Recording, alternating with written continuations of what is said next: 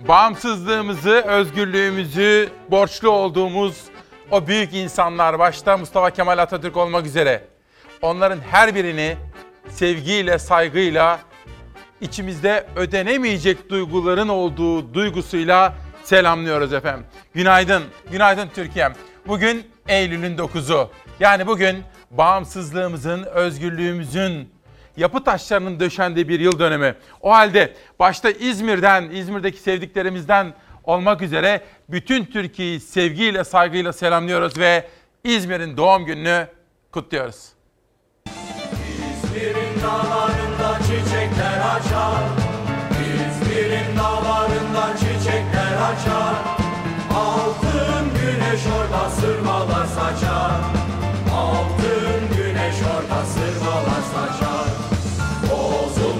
düşmanlar gel gibi kaçar. Bozulmuş düşmanlar gel gibi kaçar. Yaşa Mustafa Kemal Paşa yaşa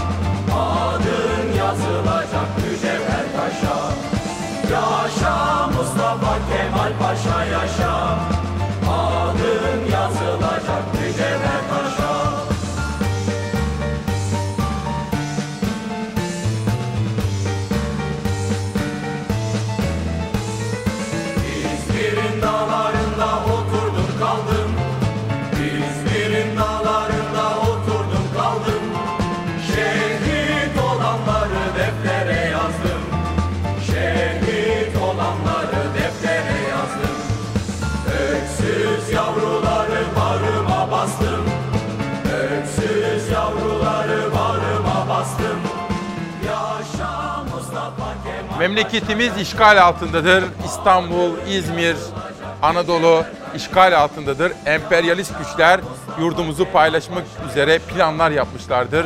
Kendi oyunlarını sahneye koymak üzere. Ama unuttukları bir şey vardır.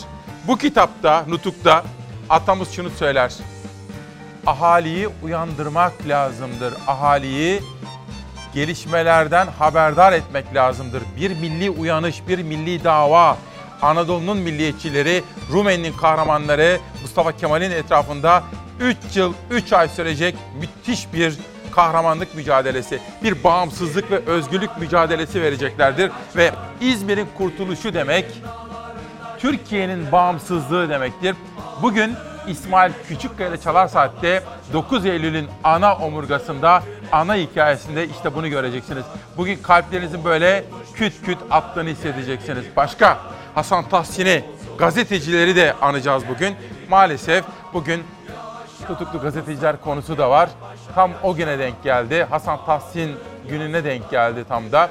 Bugün canlı bağlantılarla, konuklarla biraz sonra sizlere tutuklu gazeteciler meselesini aktaracağım. Bunun dışında bugün koronavirüse ilişkin en çarpıcı bilgileri, detayları, manşet ve uzman görüşlerini sizlerle konuşma imkanı bulacağım. Türk Tabipleri Birliği Başkanı Sinan Adıyaman bütün yurdumuzdaki doktorlardan, hastanelerden aldığı bilgileri bizlerle paylaşacak efendim. Ve bugün İsmail Küçükkaya Demokrasi Meydanı'nda görevimiz gazetecilik diyoruz ve yönetmenim Hilal'den hemen gazete manşetlerini getirmesini rica ediyorum. Hürriyet'te başlıyorum sonra Sözcü ile devam edeceğim. Savcıya itiraf, hakime inkar. Hürriyet 12 yaşındaki kız çocuğunu istismar ettiği suçlamasıyla tutuklanan Uşşaki tarikatının lideri Eyüp Fatih Şaban hakkındaki iddianameye ulaştı. Şaban savcılıkta suçun itiraf, mahkemede inkar etmiş. İddianameye göre küçük çocuk istismarı annesine anlatmış.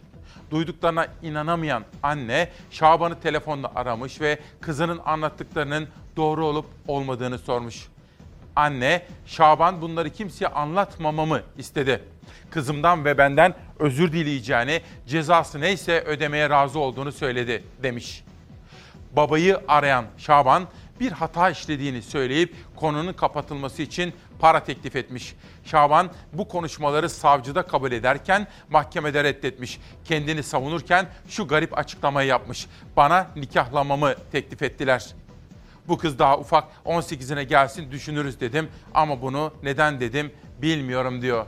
Bakar mısınız? Dolayısıyla ben bugün anne ve babalara da şunu seslenmek istiyorum. Devletimizin şefkatli elinin dışında Çocuklarınızı kimselere emanet etmeyin. Ne olduğunu bilmediğiniz bazı şarlatanlara çocuk falan emanet edilmez. Okutacaksak çocuklarımızı devletimizin şefkatli evlerinde, yurtlarında, okullarında okutmamız gerekiyor. Bunu çok detaylı olarak bugün sizlerle konuşma imkanı bulacağım efendim. Bugün haber yolculuğumuz içerisinde Hatay'daki yangına, yangına da bakacağım. Dün Hüseyin Yayman'la da konuştum. Hatay milletvekili oradaki gelişmeleri de bizlere anlattı. Her bir bireyimizin ve devletimizin seferber olduğunu anlattı. Hatay'daki yangına da gideceğiz ama ondan hemen evvel dün depremler yaşadık. Hem Trakya'da hem de Malatya'da Türkiye'mize geçmiş olsun diyerek haber yolculuğumuzu başlatıyoruz. oldu duydunuz mu ya? Bayağı sallandık hem de ha. Gündüz Malatya'da, gece Tekirdağ'da deprem gerçeği kendini hatırlattı. 4,6 ve 4,1 büyüklüğündeki sarsıntılar korkuya neden oldu. Vatandaşlar uykularından korkuyla uyandı. Korku çoktu. İnsanlar panik atak yaptı. O arada araba sallandı. Duramadık.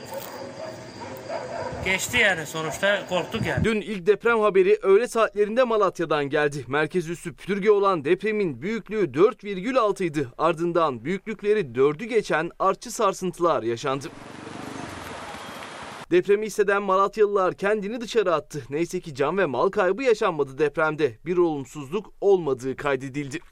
E, zemin kattaydık. İyi, güzel bir salladı.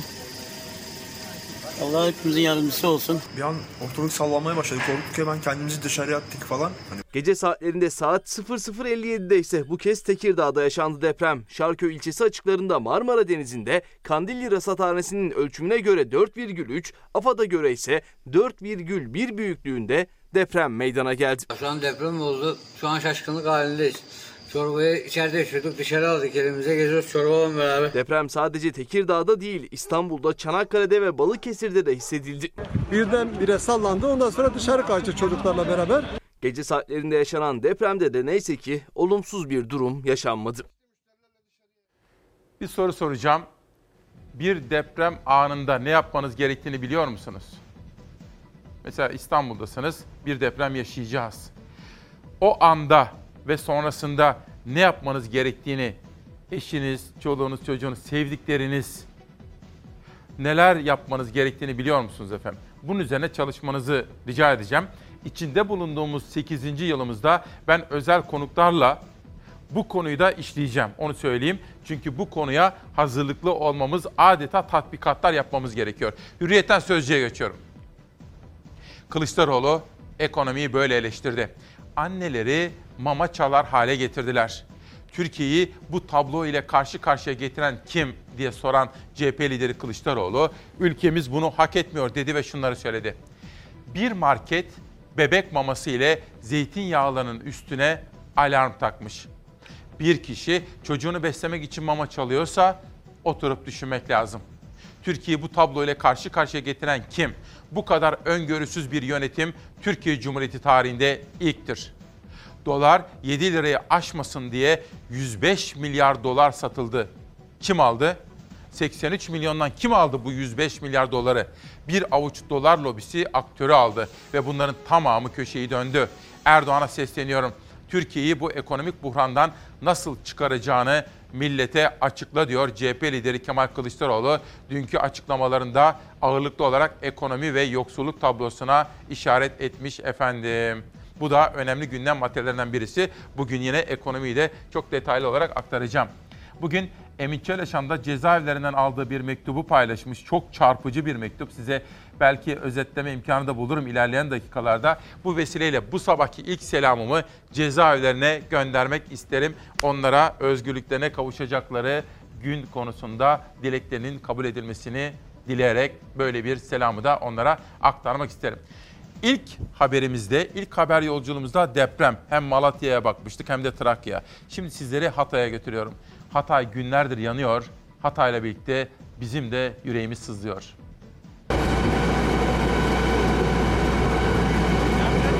Türkiye'nin farklı pek çok noktasından alevler yükselmeye devam ediyor. Hatay'daki orman yangını dördüncü gününde sürerken Kütahya, Muğla ve Manisa'dan da orman yangını haberleri geldi.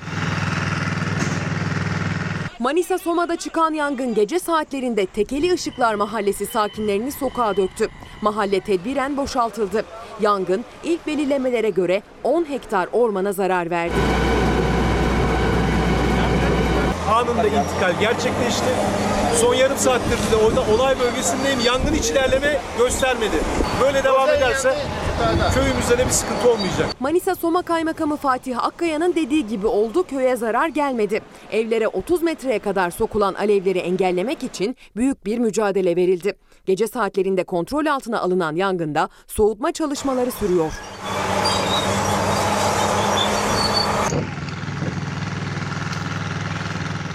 Alevlere teslim olan ormanların haberleri bile nefes kesiyor. Muğla'dan iki farklı yangının haberi aynı gün geldi. Sakartepe rampasında gece saatlerinde seyir halinde yanmaya başlayan araçtan sıçrayan alevler orman yangınına neden oldu. Araç içindekilerin sağlık durumu iyi. Orman yangını ise rüzgar nedeniyle güçlükle kontrol altına alındı. Muğla'nın Kavaklıdere ilçesinde ise gün içinde 3 hektar Kızılçam ormanı küle döndü. Henüz belirlenemeyen bir nedenle çıkan yangına hem havadan hem karadan müdahale edildi.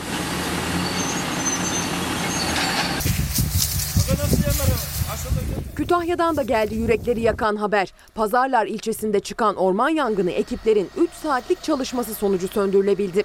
Yangında yaklaşık 3 hektarlık çam ağaçlarıyla kaplı ormanlık arazi zarar gördü. Gördüğünüz gibi maalesef ciğerlerimiz yanıyor. Üç gündür cansiperhane pahasına bu yangını söndürmek için çalışan tüm teşkilatımıza, tüm vatandaşlarımıza teşekkür ediyoruz. AK Parti Hatay Milletvekili kamera karşısına geçip yangınla ilgili bilgi verdi. Hatay Samandağ'da başlayan ve Antakya ilçesi kırsalına da sıçrayan yangın sürüyor. Tarım ve Orman Bakanı Bekir Pakdemirli bölgede çalışmaları yerinden takip etmeyi sürdürüyor. Bekir Pakdemirli ziyaretine gelen ailenin ilkokula giden kızlarını Milli Eğitim Bakanı Ziya Selçuk'la telefonla görüştürdü. Bir amcanız telefonda. Merhaba deyin. Merhaba. Nasıl gidiyor? Söndürme çalışmaları ise sürüyor. Milletvekili Yayman'ın verdiği bilgiye göre söndürme çalışmaları tamamlandıktan sonra yanan bölgede ağaç dikimi yapılacak. Yangın biter bitmez bu alanı temizleyip Bakanımız Bekir Pakdemirli'nin talimatıyla buraya yeniden orman dikeceğiz. İnşallah biriz, beraberiz e, ve bu yangını hep birlikte söndüreceğiz. Malatya, Trakya ve Hatay haber yolculuğumuza başladık ve buradaki gelişmeleri dikkatli takip ediyorum. Beni en çok üzen olaylardan birisi nedir efendim? Burada birbirimizle 8 yıldır sabahları günü karşılıyoruz. En fazla üzüldüğüm konulardan biri nedir? Kendim adına, mesleğim adına, ülkem adına, demokrasimiz adına.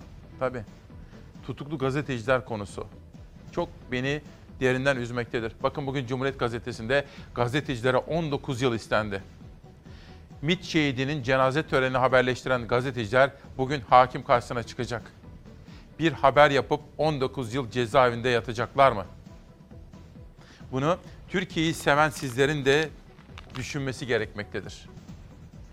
Bir gazetecinin tutuklu olması, bir gazetecinin baskı altında olması, bir gazetecinin mesleğini yapamıyor olması, bir gazetecinin sevdiklerinden, çoluğundan, çocuğundan, aşkından, karısından, kocasından uzak olması aslında kime zarar vermektedir? Bunu bir düşünün lütfen. Aydınlık Türkiye yolunda çalışan gazeteciler bugün hakim karşısında ilerleyen dakikalarda Çağlayan Adliyesi'nden canlı bağlantılarla bu konuyu da gündeme taşıyacağım. Sözcüden bir haber daha okumak istiyorum. Özel kalem müdürüne lojman piyangosu vurdu. Ali Ekber Ertürk. Hilal bir saniye. Bu haberi şöyle okuyun. Allah bazılarına yürü ya kulum demiş ya. Allah bazılarına yürü ya kulum der. Şöyle düşünün. Bir yerde özel kalem müdürüsünüz. Devlet size lojman veriyor ama lojmanı size vermeden evvel para harcıyor ve tadilat yapıyor. İçini böyle güzel boya, badana şudur budur tamam mı?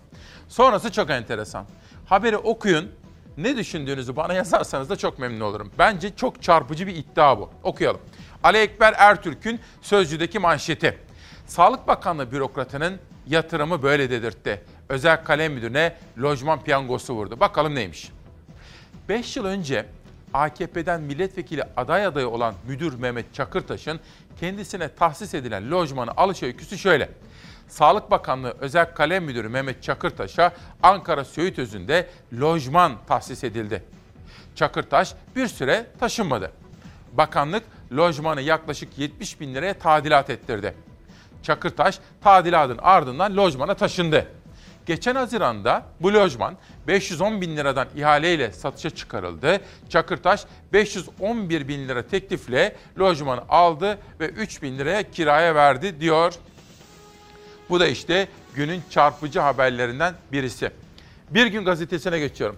Bu konudaki yorumlarınızı bana yazarsanız Instagram veya Twitter'dan ben de öğrenme ve gerekirse izleyicilerimle paylaşım imkanı bulurum efendim. Bir gün AKP iktidarından dünyada büyük heyecan yaratan buluş.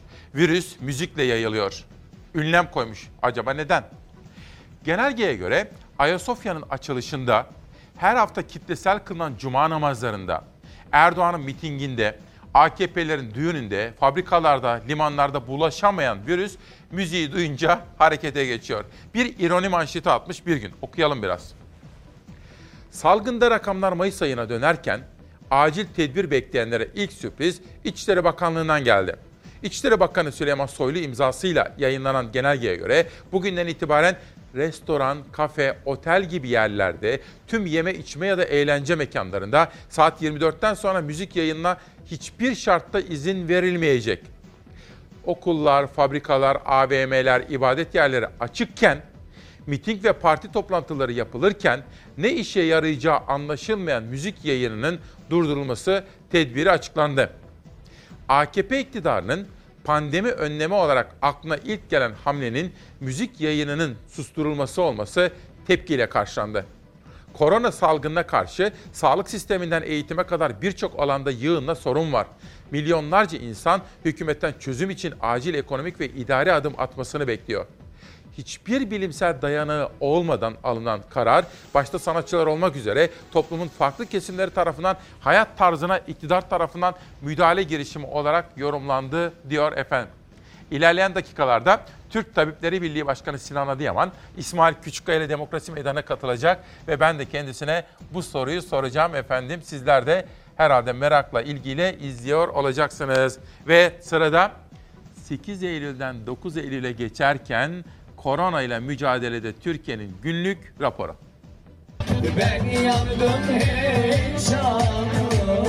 Maske kullanımı başta olmak üzere kurallara uymayanlara kesilen cezalar muhakkak tahsil edilecektir. Sözlü uyarılar yeterli olmayınca ek genelge ile Türkiye'nin tüm şehirlerinde maske takmak zorunlu hale getirildi. Saat 24'ten sonra müzik de yasaklandı.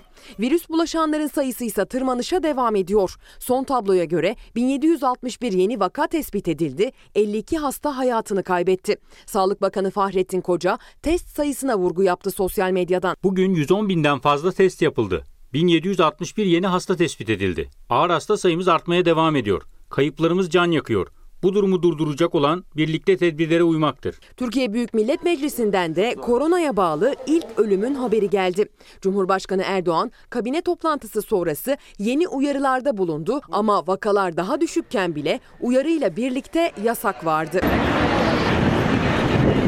Sokakların hali, sokaklar kalabalık, tıklım tıklım. Vaka sayısı daha fazla ama yasak yok, yeni önlemler var. Artık Türkiye'nin her yerinde maske takmak zorunlu olacak. Kafe ve restoranlarda saat 24'ten sonra müzik çalmayacak. Sokağa çıkma yasağı varken vaka sayısı da hayatını kaybedenlerin sayısı da daha düşüktü. Virüse yakalananların sayısı yeniden tırmanırken kabine toplantısı çıkışında Erdoğan iş vatandaşta bitiyor dedi.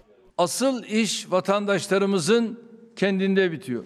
Kalabalık etkinliklerden uzak durmadığımız, sokakta, iş yerinde hatta evde belirlenen kurallara uymadığımız sürece ne açtığımız hastaneler ne cezai tedbirler tek başına bizi virüsten koruyabilir. Tedbirler şimdi genelgeyle zorunluluk haline getirildi. Maske takmak Türkiye genelinde istisnasız her ilde, ev dışındaki tüm alanlarda zorunlu hale geldi.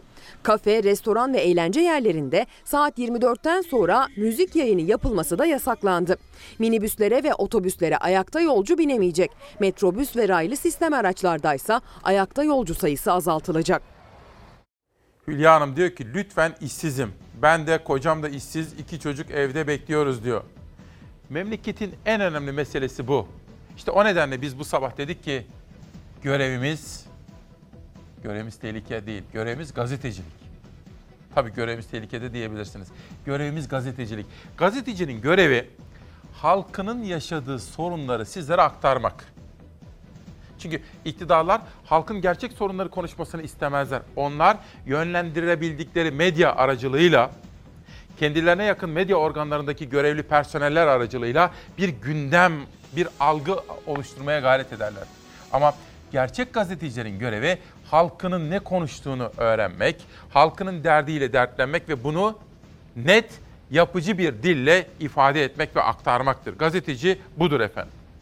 Ve bugün tutuklu gazeteciler konusunda özel bağlantılarım olacak. Çağlayan adresine gitti Gülşah kardeşimiz. Şimdiden orada biraz sonra bağlantımız olacak. Ve Bir Gün Gazetesi iktidar çözüm değil unutturma peşinde. Döviz, ha bakın kimdi soran? İşsizim diyen vardı ya bir dakika. Ha Hülya Hanım. Bakın ben de kocam da işsiz, iki çocuğum var diyordu ya. Bakın mesele bu işte. İktidar çözüm değil, unutturma peşinde.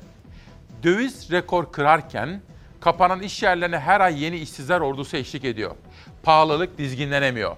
İktidar tüm olanakları gündem değiştirmek için harcıyor. Dolar yükselmiyor, TL batıyor. Bu yılın ilk işlem gününde bir Amerikan doları 5.96 Türk lirasına eşitti. Dün itibariyle bir Amerikan dolarının değeri 7.48 Türk lirasına çıktı. Yani bizim paramız bu yıl içinde ABD dolarına karşı %20'den fazla değer kaybetmiş oldu. Ya hastalık ya işsizlik. Son yayımlanan Mayıs ayı verilerine göre işsizlik oranı %12.9. Peki peki bu oranın anlamı ne? Türkiye'nin 15 yaşın üzerinde çalışabilir nüfusu 62 milyon 421 bin. Bu kişilerin yalnızca 25 milyon 858 bin istihdamda. Tarihin en büyük işsiz ordusuyla karşı karşıya. Enflasyonda tutmayan hedefler. Ekonomi yönetimi her ağzını açtığında enflasyonu tek haneli rakamlara düşüreceğini iddia ediyor. TÜİK verilerine göre bile enflasyon rakamı %11'in üzerinde. Çarşı pazarda rakam %30'lara dayanmış durumda. Borç borçla kapatılıyor. 2019 yılında 464,5 milyar lira olan tüketici kredileri bu yıl %41.2 artarak yüzde 41.2 artarak 656.3 milyar liraya ulaştı. Geçen yılın Ağustos ayında 218.7 milyar lira olan ihtiyaç kredileri %67.1 artarak 365.7 milyar liraya çıktı.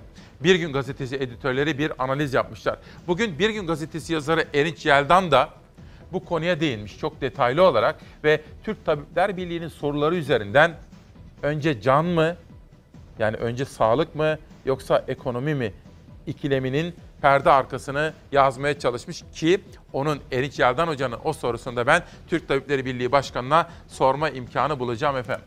Bir de bizim mesleğimizde hani görevimiz gazetecilik dedik ya fikri takip önemlidir. Fikri takip. Dün sizlere Sözcü gazetesinin manşeti üzerinden de bazı haberlerden bahsetmiştim. 15 Temmuz hain FETÖ kalkışmasından sonra o kadar çok olaylar yaşadık. Tasfiyeler gerçekleşti, mahkemeler yapıldı ama hala geçtiğimiz günlerde 30 Ağustos Zafer Bayramı törenlerinde Malazgirt'te devletin en üst makamlarını, Cumhurbaşkanını, bakanları, MHP lideri Devlet Bahçeli'yi karşılayan kaymakamlar da dahil FETÖ'den daha yeni yeni tespit edilip atıldılar. Bu bence üzerinde durulmayı ve sorgulanmayı hak eden önemli bir fikri takip haberi. İçişleri Bakanlığı tarafından yaklaşık 35 civarında kaymakamla ilgili FETÖ soruşturması yapıldı. Atayurdum Ağrı'dan 3 kaymakam FETÖ iltisakları dolayısıyla görevden alındı. Kaymakam ve vali yardımcılarına yönelik FETÖ operasyonu yapıldı. İddiaya göre 43 mülki idari amir açığa alındı. İçişleri Bakanı sessiz. Uzaklaştırmaların FETÖ operasyonu kapsamında olduğunu AK Partili Mehmet Metiner ve Erzurum valisi duyurdu. Görevden alınanlar arasında 26 Ağustos'ta devletin zirvesini Ahlat'ta ağırlayan kaymakam da var.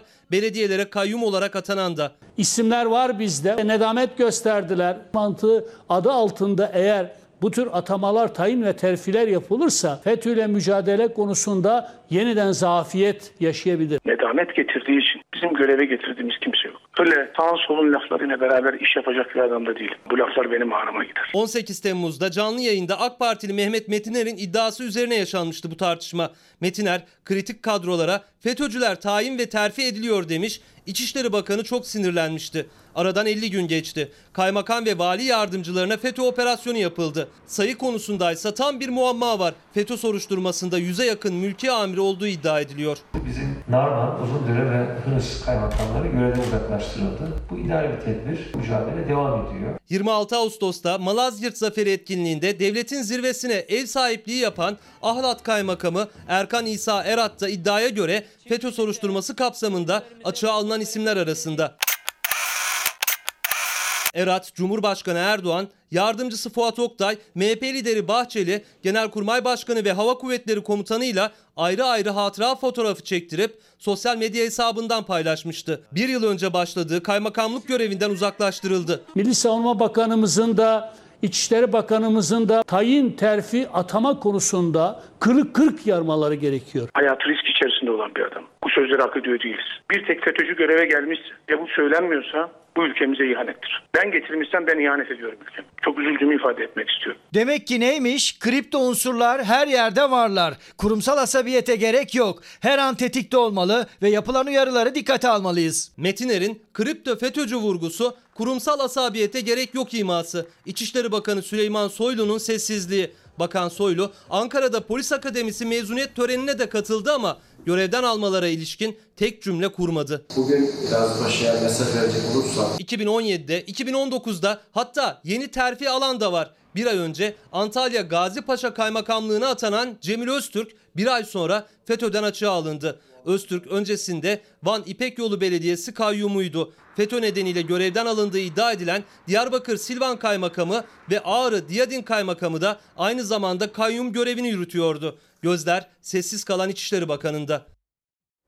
E, Sayın Bakan'ın bir açıklama yapması gerekmez mi efendim? Bakın bir ay önce terfi alıyor. 30 Ağustos'ta devletin zirvesine ve MHP lideri Devlet Bahçeli'yi karşılıyorlar bu isimler. Ve hala bakın 15 Temmuz hain kalkışmasından sonra hala görevde ve terfi de alabiliyor ve şimdi FETÖ'cü çıkıyor. Burada sorgulanması gereken bazı hususlar var. Tehlike hangi boyutlarda? Görmüyor muyuz? Devletimizin kurumları işlerini yapmıyorlar mı? İçişleri Bakanı Süleyman Soylu'nun bu konuda bir açıklama yapması gerekir. Gizem Hanım, öğrenci kardeşlerim adına bir mesaj yollamış. G. Korkmazel. İsmail Bey günaydın. Üniversite öğrencileri için okulların ve yurtların durumu hiç konuşulmuyor. Nedense. YÖK'e bir çağrıda bulunur musunuz? Hastalanacak bu çocuklar için üniversite ve yurt yönetimleri ne yapmayı düşünüyor? Görevimiz gazetecilik diyor. Bakın bu önemli hususlardan birisi. Bu arada Ankara'dan da bir haber kaynağım bana diyor ki, ismini vermeyeyim teyidini almadan.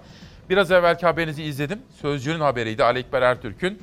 Sağlık Bakanlığı özel kalemiyle ilgili detay bilgi vermek isterim.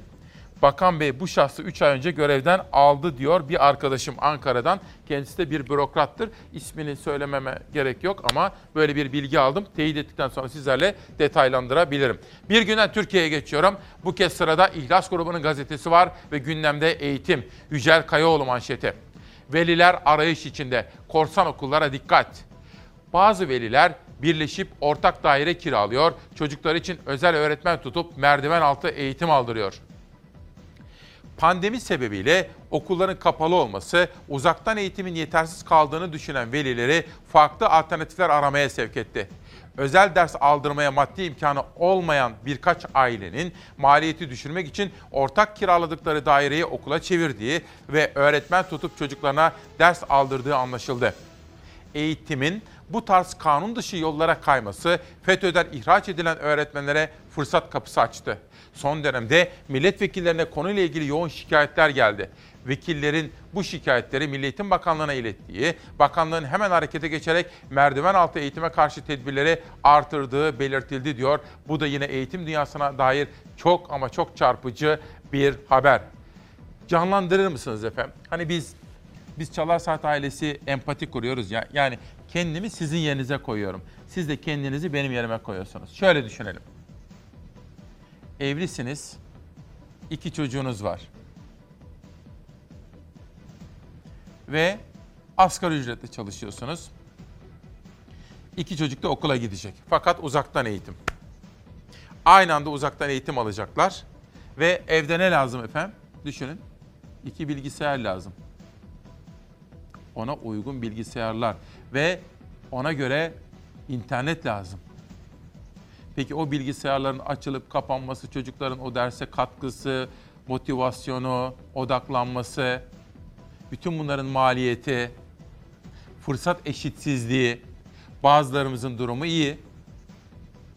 Bütün bunlar aslında bizim ülkemizin geleceği, çocuklarımızın aydınlık geleceği konusunda durup düşünmemiz ve sorgulamamız gereken hususlar var. Milletin Bakanlığı işleri doğru yapabiliyor mu acaba? Ben doğrusu çok kaygılıyım. Gelişmelerden endişe içerisindeyim onu da söyleyeyim. Bir de çevre sorunları. Dün sizlere Ordu Olay Gazetesi üzerinden Ordu, Giresun, Trabzon bütün o Karadeniz sahilindeki yapılaşmalardan ve altyapı noksanlıklarından bahsetmiştim. Hadi şimdi hep beraber Ordu'ya gidelim. Allah bizden borcu bir durmamızı vermiyor. vermiyor. Canı veriyor. Ordulular kararlı. Bir ay içinde üç kere iş makineleri köylerine girdi. Üçünde de karşısında durdular. HES inşaatının başlamasına izin vermediler. Ben burada fındık topluyorum. Patladığımı da getiriyor. Ben burada fındık toplayacağım ben. Ne oluyor? Ordu'nun Korgan ilçesindeki Çiftlik köyüne fındık sezonunun başında geldi ilk olarak HES şirketi. İş makineleri dere kenarına inmek istedi. Köylüler izin vermedi. Oturarak şirketin bölgeye girmesini engellediler. Elektriksiz dururuz ama anlamsız durmam. Gelsin bir yetkili gelsin. Yürütmenin durdurulması ve proje iptali için de dava açtı bölge halkı. Ancak şirket bir kez daha geldi bölgeye. Sabah erken saatlerde jandarma eşliğinde dere kenarına inmek istedi iş makineleri. Köylüler de oraya koştu. Kalabalık halinde iş makinelerinin önünde duran köylülere sosyal mesafe uyarısı yapıldı. Sosyal mesafeymiş. Veririm ben cezamı. Allah bizden borcu bir durmamızı Canı veriyor durmağı vermiyoruz. Bu tarafa, bu tarafa. Bu tarafa bekleyin, bu tarafa. Gitmek, gitmesini görmemiz lazım. HES şirketi köylülerin engellenmesiyle bölgeye giremedi yine. Korganlılar yargıdan karar bekliyor. İnsanlar kendi doğalarını korumak istiyorlar ve biz de onların yanlarında olacağız efendim. Osman Bey soruyor ki dünkü anneden çok etkilendik. Ekran başında hepimiz ağladık. Ne oldu mahkeme acaba diye soruyor. Haberi hazırlanıyor. 12 yıl ceza aldı efendim. Alkollü araç başına geçip Begüm kızımızı bu yalan dünyadan alıp götüren o kişi 12 yıl hapis cezası aldı. Aileyle de konuşuldu. Onun haberini sizlere ilerleyen dakikalarda aktaracağım. Türkiye'den Cumhuriyet'e geçelim. İşsizlikten kırılıyoruz. Salgın nedeniyle işçi çıkarmak yasak olmasına karşın 7 ayda 1 milyon kişi işsiz kaldı. Devletin resmi verileri işsizliğin yakıcı bir hal aldığını ortaya koydu. Salgın nedeniyle işten çıkarma yasaklanmasına karşın işsizlik ödeneği talebi arttı. İşkur verilerine göre Ocak-Temmuz arasında işsizlik ödeneği almak için ilk 7 ayda başvuran işsiz sayısı 1 milyon 66 bin kişi oldu. Yalnız bir aylık artış 90 bin kişiyi buldu. İşçi arayan da yok. İşsizlik maaşı için başvuranlardan sadece 367 bini işsizlik ödeneği alabildi. 600 bin işsiz ödenekten mahrum. İşverenlerin eleman talebini gösteren açık iş sayıları da azalmaya devam ediyor. İşkur'a kayıtlı açık iş sayısı Ağustos'ta geçen yılın aynı ayına kıyasla %31.2 azalarak azalarak 114.113'e düştü diyor. Cumhuriyet Gazetesi de tıpkı Bir Gün Gazetesi gibi halkın ekonomisini okullarıyla paylaşmayı tercih etmiş efendim.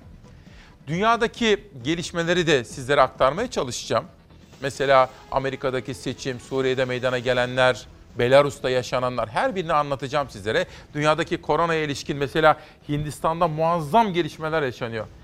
Bir tahmin eder misiniz? Hindistan'da bir günde kaç kişi koronaya yakalanır? Resmi rakam 90 bin. Evet evet.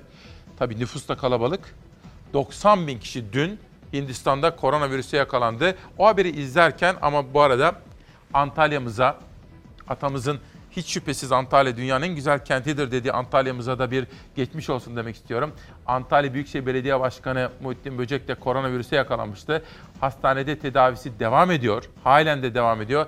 Fakat yoğun bakımda ve hatta tedbir amaçlı uyutuldu. Ben bu vesileyle Muhittin Böcek'e, ailesine, sevenlerine ve Antalya'ya geçmiş olsun diyorum. Dünyadan korona manzaraları. İngiltere'de Oxford Üniversitesi'nin bir ilaç firmasıyla üzerinde çalıştığı aşının ciddi yan etkileri ortaya çıktı. İsrail'de artan vakalar sonrası karantina uygulamaları başladı. Günlük vakaların 90 bine ulaştığı Hindistan'da test noktalarında uzun kuyruklar oluştu. Covid-19 salgınıyla mücadele tüm hızıyla devam ederken dünya genelinde vaka sayısı 27 milyon 700 bini geçti. Can kayıpları 900 bini aştı. Hastalığı yenenlerin sayısı ise 20 milyona tırmandı.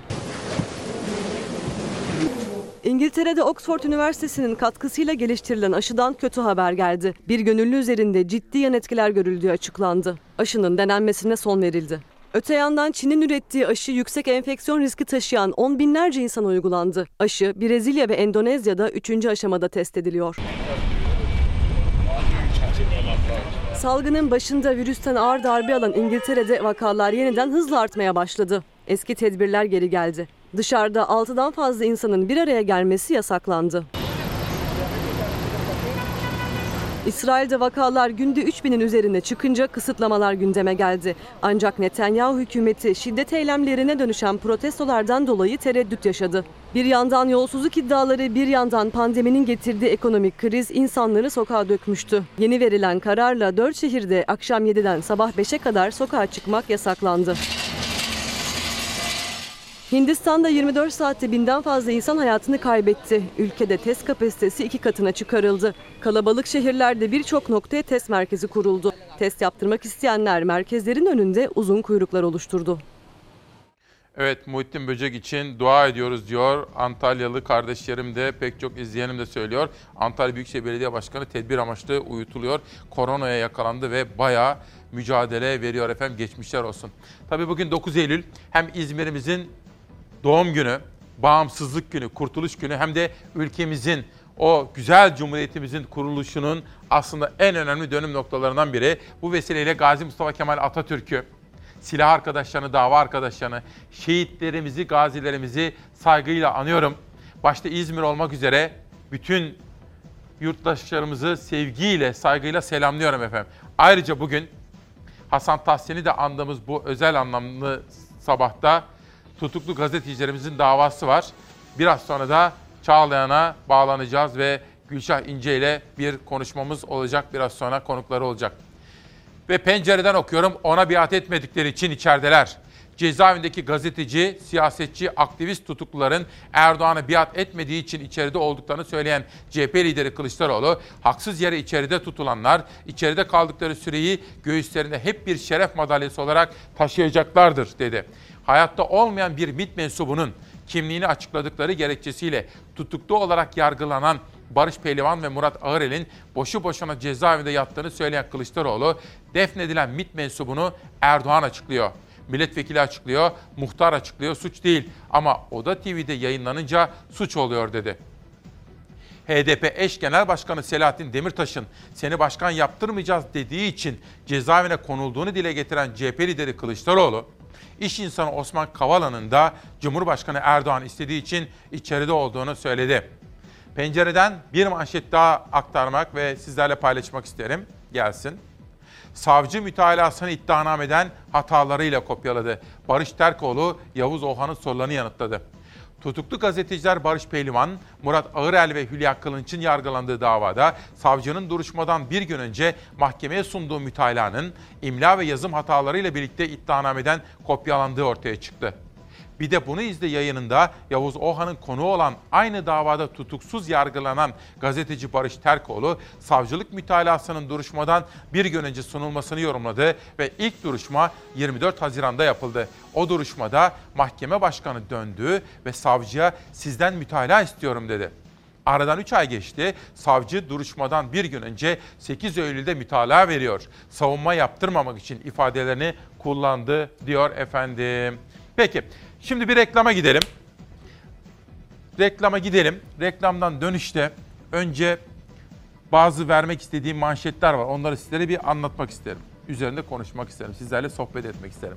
Sonra bir konuğum var. Türk Tabipler Birliği Başkanı. Onu İsmail Küçükler'e Demokrasi Meydanı'na karşılamak isterim. Sizlerle birlikte sohbet edeceğiz. Ama dikkatle dinleyeceğiz. O arada Çağlayan Adliyesi'ne gideceğiz. Gülşah İnce ile bir bağlantı yapacağız ve tutuklu gazeteciler hususunu gündemlerinize taşıyacağız. Ama ne dersiniz? bir sade kahveyi hak ettim mi?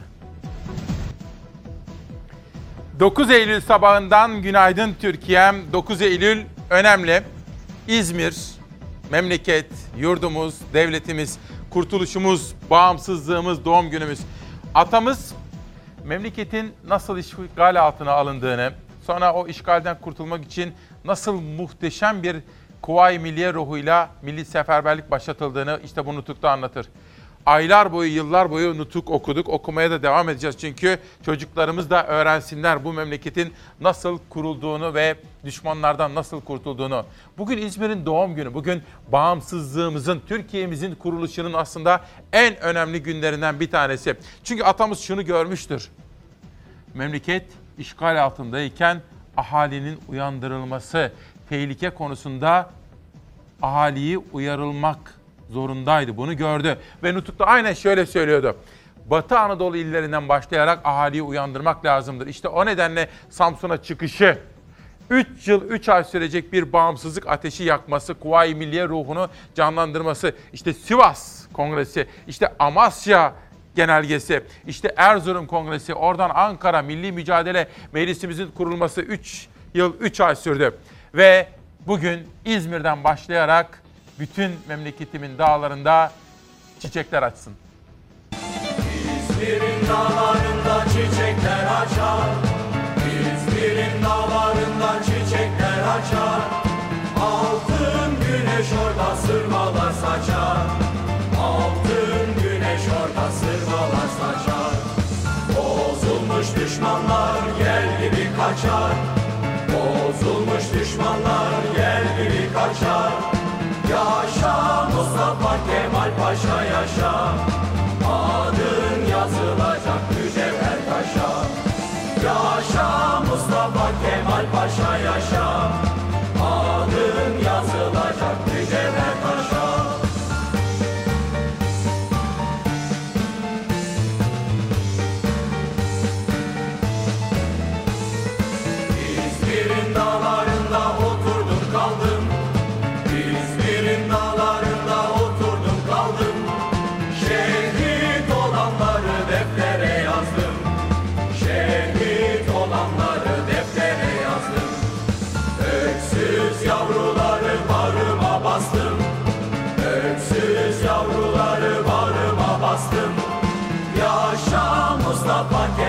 Paşa yaşa. Adın yazılacak mücevher taşa. Yaşa Mustafa Kemal Paşa yaşa. Adın yazılacak mücevher taşa. Bugün İzmir'in doğum günü efendim. Özel bir gündeyiz ama tabii Hasan Tahsin'i de andığımız bu özel bir günde tutuklu gazeteciler meselesiyle karşınızdayız. İşte bakın biz bu sabah gazetemizi onlara ayırdık efendim. Çalarsat gazetesi bu sabah İsmail Küçüköy'le Demokrasi Meydanı'nda hem konuklarım olacak hem Çağlayan Adliyesi'ne bağlanacağız. 9 Eylül 2020. Savcıdan 19 yıla kadar hapis cezası talebi. Oda TV Genel Yayın Yönetmeni Barış Pehlivan, Oda TV muhabiri Hülya Kılınç ve Yeni Çağ yazarı Murat Ağırel ile ilk duruşmada tahliye edilen Oda TV Haber Müdürü Barış Terkoğlu, Yeni Yaşam Gazetesi yöneticileri Ferhat Çelik ve Aydın Keser bugün ikinci kez hakim karşısına çıkıyor. Duruşma öncesi mütalasını açıklayan savcı, sanıklar hakkında 8 yıldan 19 yıla kadar hapis cezası istedi. Ve bakın önceki gün eşi aracılığıyla bana ulaşmıştı Murat Ağırel. Bugün başka gazeteci arkadaşlarıma da mektup göndermiş. Çünkü sesini duyurmak istiyor haklı olarak.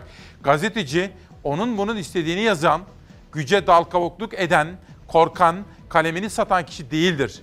Gazeteci halkın yanında duran, tek gücü halk olan, onun derdiyle dertlenen, vatanını bayrağını yüce bilen, demokrasiyi insan haklarını içselleştirmiş, korkmayan, kalemini satmayan, güce dal kavukluk etmeyen kişidir diyor tutuklu gazeteci Murat Ağırel.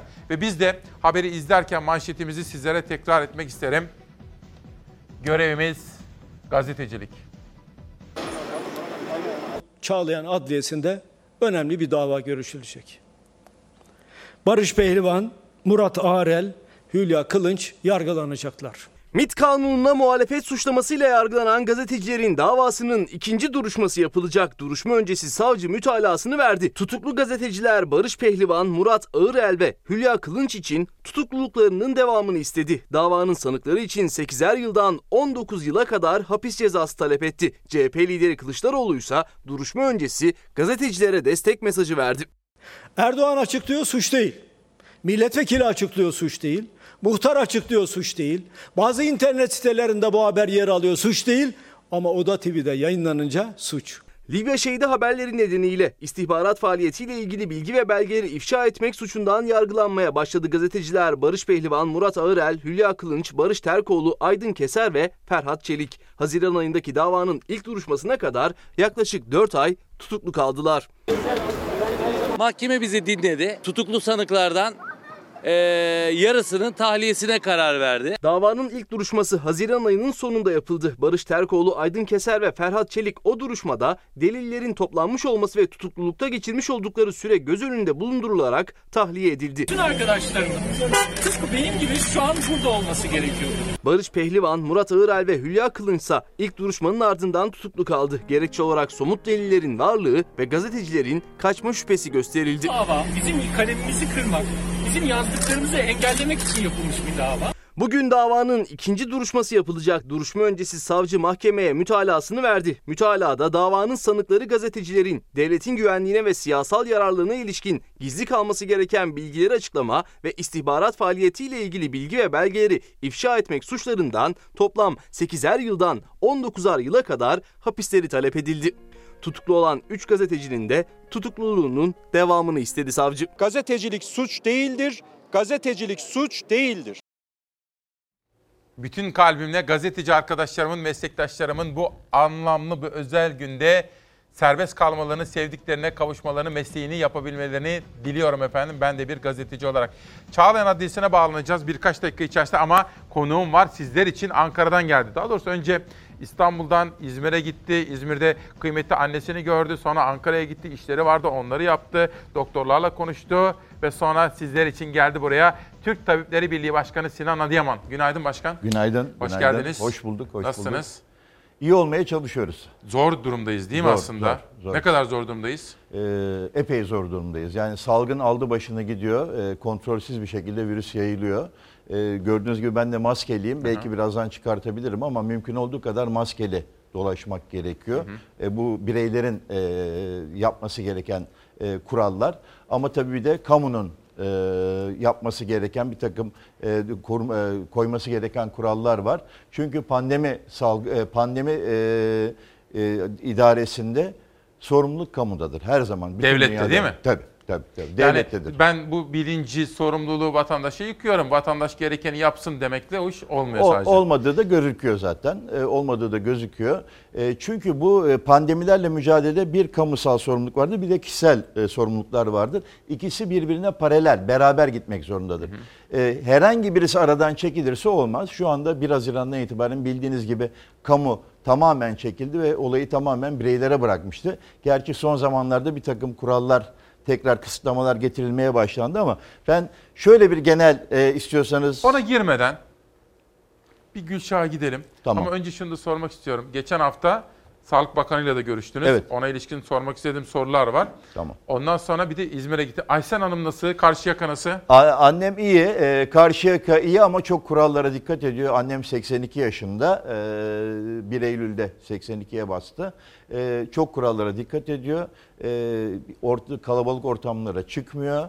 E, mümkün olduğu kadar kendini izole etmiş durumda. Güzel. Şu anda iyi Ama dolayısıyla. iyi selamımızı da söyleyelim ona. Aleyküm. Şimdi bir Çağlayan'a gidelim. Hazır mıyız Hilal? Peki.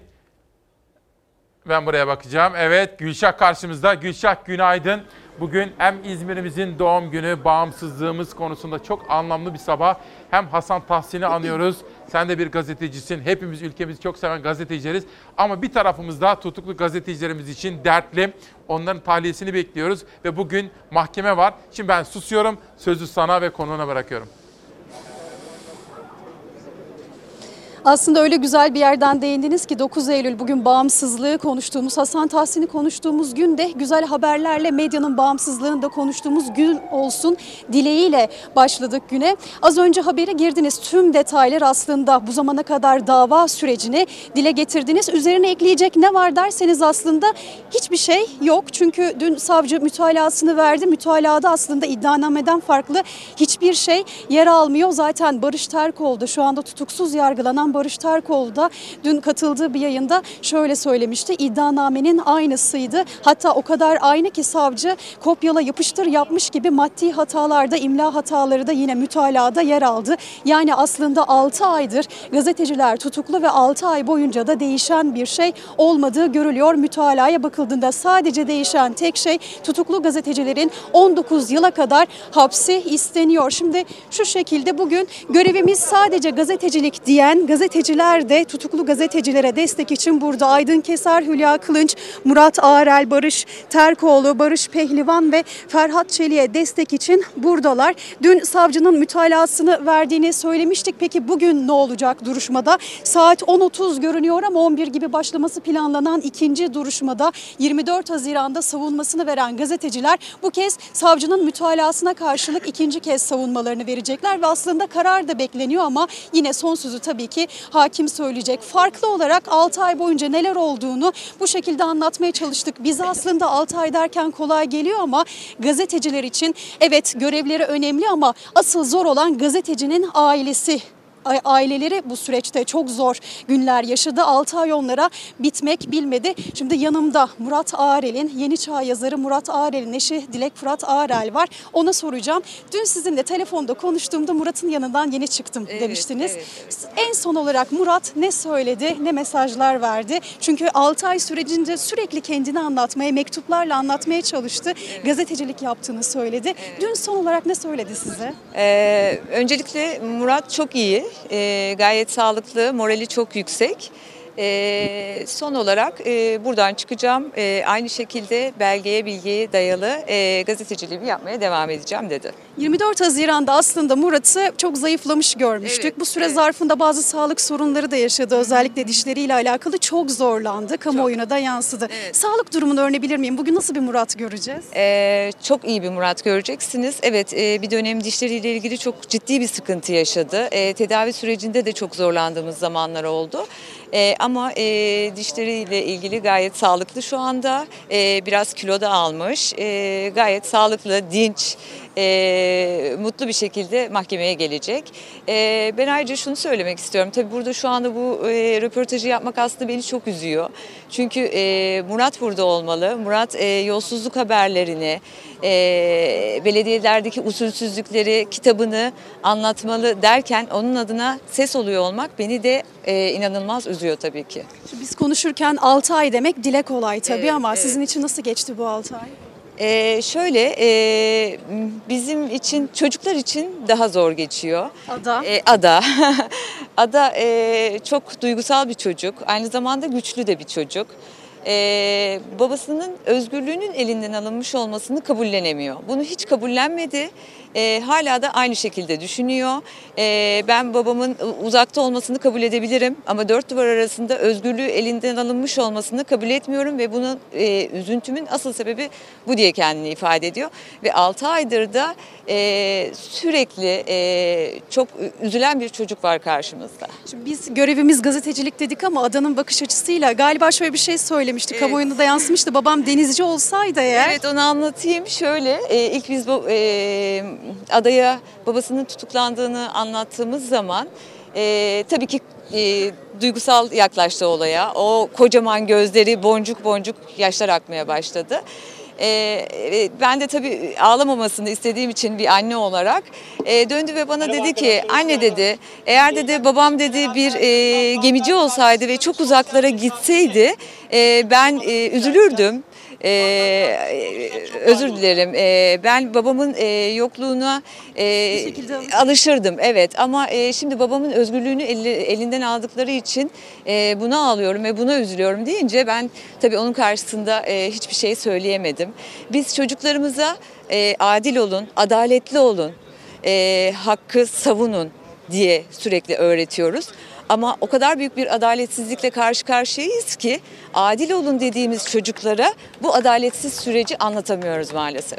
Çok teşekkür ederim. Ben Bu teşekkür zor ediyorum. yayını e, yaptığınız için, yanımda olduğunuz için çok sağ olun. Ben teşekkür umarım ediyorum. iyi haberler de gelir. İnşallah umarım. E, Murat'ın kızı Ada, Barış'ın kızı Arya aslında 6 ay boyunca onlar da e, onlara seslenmeye çalışmışlardı. Gazeteciler tabii ki görevini yapmak için gözleri hiçbir şey görmüyor ama az önce de dinlediğiniz gibi gazetecilerin ailesi için de zorlu bir süreçti.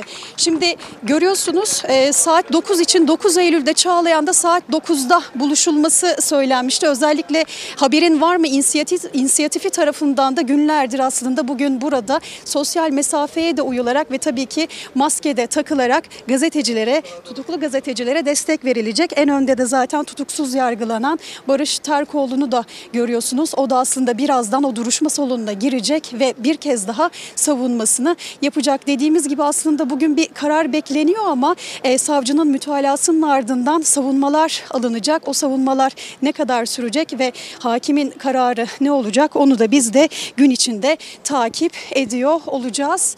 E, Çağlayan Adliyesi'nde şimdilik son durum dediğimiz gibi karar açıklandığında da zaten takip etmiş olacağız. Gülşah çok teşekkür ediyorum. Yüreğine sağlık, emeğine sağlık. Sayın Başkan, şimdi mesafemiz ne kadar? 2 metreden fazla. Sosyal mesafeye uyuyoruz. Maskenizi çıkarsanız olur mu? Olur olur. olur. Tamam, harika. Yönetmenim de diyor ki abi diyor ses kalitesi açısından çok daha etkili Tabii, olur. Nasılsa mesafemiz Tabii, ikimiz tabii, de tabii, hani sağlığımızda yerinde. Kameramanlarla Çok da yeteri kadar mesafe, temas sorun yok. etmiyoruz. Sorun tamam yok. peki. Şimdi bir manşet okuyalım. Milliyet içi dışı bir. Salgında vaka ve ölüm sayıları her gün artıyor. Vatandaş kural tanımıyor. Denetimler yetersiz. Toplum sosyal sorumsuzluk örneği sergiliyor. Toplu taşıma araçları tıklım tıklım. Ayakta yolcu alınmadığı durumlardaysa duraklar balık istife. Sayın Başkan siz Türk Tabipleri Birliği Başkanısınız. Yani bütün işte aslında bu sistemin en önemli meslek örgütünün liderisiniz. Vatandaştan bekliyoruz biz fakat kamu ne yapmalı? Önce oradan başlayalım. Sonra Ankara'yı sormak istiyorum. Ya Ankara'da durum çok vahim. Yani o neden öyle oldu? Ankara neden ayrıştı? Bir başlayalım buyurun. Kamu ne yapmalı? Kamu esasında ne yapmamalıydı diyerek e, başlayabiliriz. E, biliyorsunuz e, 11 Mayıs'ta alışveriş merkezleri açıldı, kuaförler açıldı. O zaman itirazlarımızı yaptık. Arkasından 1 Haziran'da e, yeni normalleşme denerek bütün e, tedbirler kademesiz olarak bir anda hepsi birden kaldırıldı ki biz buna yeni normalleşme demiyoruz. Yeni açılma diyoruz. Çünkü normalleşme hiçbir zaman yeni normal olmayacak e, dünya, bütün dünya ve normalleşme kelimesi insanlarda bir rehavet uyandırıyor. Bu hızlı bir yeni açılma yapıldı ve e, 2 Haziran'da 600'lere düşen vaka sayıları birdenbire yükselmeye başladı. 1600'lere kadar yükseldi ve 8, 8 Haziran'dan sonra daha sonra düşmeye başladı ama biz onu biliyoruz ki o düşme sebebi test sayılarının 40 binlere kadar düşmesiydi. O zaman da uyarmıştık testleri arttırmanız lazım. Test yapmazsanız vaka bulamazsınız diye. Şimdi e, 100 binlerin üzerine çıktı en son. 110 bindi dün galiba. Bu tabii ki memnuniyet verici ama başka bir şey var. Şimdi toplam test sayısı 8 milyona yaklaştı. Ama bu kadar test kaç kişiye yapıldı biz bilmiyoruz. Biz biliyoruz ki bir milletvekili bir ayda 8 test yaptırmış kendisi söyledi. Bir e, bürokrat, e, bir e, kamunun bir e, bürokratı e, kendine düzenli test yaptırdığını O da söyledi. Covid oldu sonra.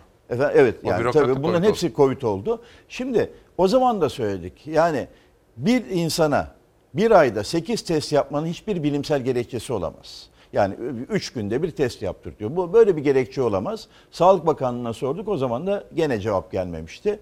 Ee, şimdi bir yandan böyle bir şey var ama bir yandan sağlık çalışanları, hekimler, e, diş hekimleri filyasyonda çok büyük rol oynuyor. Eczacılar çok büyük kayıplar verdiler. E, bu birazdan Gelecek, onun fotoğrafları evet, gelecek. Evet, e, kayıplar verdiler.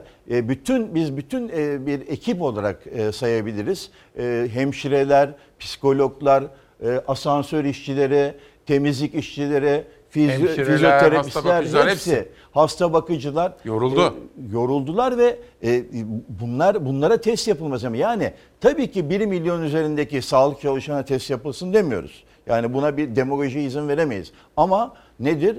E, birebir mücadele eden Covid polikliniklerinde çalışan, yoğun bakımlarında çalışan, acillerde çalışan, e, Covid hastası takip eden e, filyasyon ekiplerine ve aile sağlığı merkezindeki hekim arkadaşlarımıza e, test yapılmasını önerdik. Haftada bir test yapılması gerektiğini söyledik. Hatta bu gittiğimizde Sayın Bakan'a da söyledik bunu. Dün Murat Yetkin'i aramıştım. Gazeteci arkadaşım. İşte Ankara'da durum kötü dedi. O da Ayvalık'ta şimdi. Sonra Cumhurbaşkanlığından bir tanıdığım var. Onu aradım. O da dedi ki bizler de şimdi görüyoruz dedi Ankara'daki durumu. Hadi kendi tedbirlerini falan da anlat. Yani iktidar, muhalefet, gazeteci, halk, herkes Ankara'da şunu merak ediyor. Ankara'da niye patladı bu iş?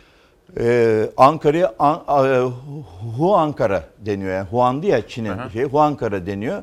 Ee, şimdi evet Ankara'da uzun zamandır 2000'lerin altına düşmüyor. Yani bize gelen bilgiler, filyasyon ekiplerinden gelen bilgiler. Ee, her ne kadar o turkuaz rengi tabloda 1600-1700 des- dese de biz e, Sağlık Bakanı'na söyledik. Bu rakamlara biz inanmıyoruz, kimse inanmıyor. Doğru değil dedik. O da e, bu e, hayat eve sığar haritaları var ya. Evet. O haritaları yani gerçek sayıyı öğrenmeksen durumun vahametine HES'e baksın dedi. Biz de o zaman şunu söyledik. Bir gün önce tweet atmıştık geçen hafta. E, Gaziantep'le ve e, Ankara'nın haritalarını gösterip e, HES haritalarını gösterip bu kızarıkları gösterip bir de vaka sayılarını e, görmüş e, koymuştuk. Demiştik ki bu haritalardaki kızarıklıklar niye vaka sayılarına e, yansımıyor diye. Ankara'da niye arttı? Niye? Ankara'da gerçekten çok arttı. Ankara yani e, şöylesin bildiğiniz gibi değil. Yani ben e, benim fakültemde benim kliniğimde asistanlarımın yüzde otuzu enfekte. Yani o derece bir e, şey. Herkesin, Yani her, her sizin %30'u de benim Covid, de etrafımızda tanıdığımız bir yığın insan her gün aranıyorum. Yer aratılıyor bana. Yani yer yok diyorlar. Hakikaten yer sorunu var. Neden? Neden? Neden arttı? Birincisi tatile şimdi kamu şehridir biliyorsunuz. Kamu çalışanı çoktur Ankara'da. e, başkent olduğu için. E, bu bayram süresince ve izinlerde insanlar sahillere gittiler. Memleketlerine gittiler. O memleketlerinde o e, virüsü aldılar ve tekrar şehre döndüler. Bir de e, devlet daireleri çok fazladır Ankara'da. İç içe. e, kapalıdır biliyorsunuz. Bir de bir Böyle şey diyeceğim. karanlıktır. Başkan, şimdi mesela Eskişehir yolunda şimdi devasa kamu binaları var. Tabii ki. Böyle büyük büyük uzun uzun. E onlarda pencere yok, bir şey yok, açılmıyor, kapalı e, mekan nasıl olacak? E mi? tabii ki. Bundan dolayı yani hani her ne kadar e, Sağlık Bakanı e, düğünlerden diyorsa da tabii ki Türkiye satında bu düğünlerin serbest bırakılmasının çok büyük etkisi var. Bu virüsün yayılmasına, pandeminin hızlanmasına, salgının hızlanmasına ama esas problem bu. Kamudaki e, çalışanların dip iç içe olması. Ankara Belediye Başkanı Mansur Yavaş, belediye koronavirüsten kırılıyor. Sabah beni karşılayan koruma bir saat sonra korona çıktı diyor. Eğitim haberi var. Bir haber izleyelim. Çünkü 21 Eylül'de okullar işte kısmen açılacak, kısmen veliye bırakılıyor. Bu da aslında salgınla mücadelede en hassas konulardan bir Evet, tanesi. evet. Bu konudaki yorumlarınızı merak ediyorum. Hazır mıyız arkadaşlar? Uzaktan eğitim ama her şey göründüğü kadar kolay değil maalesef.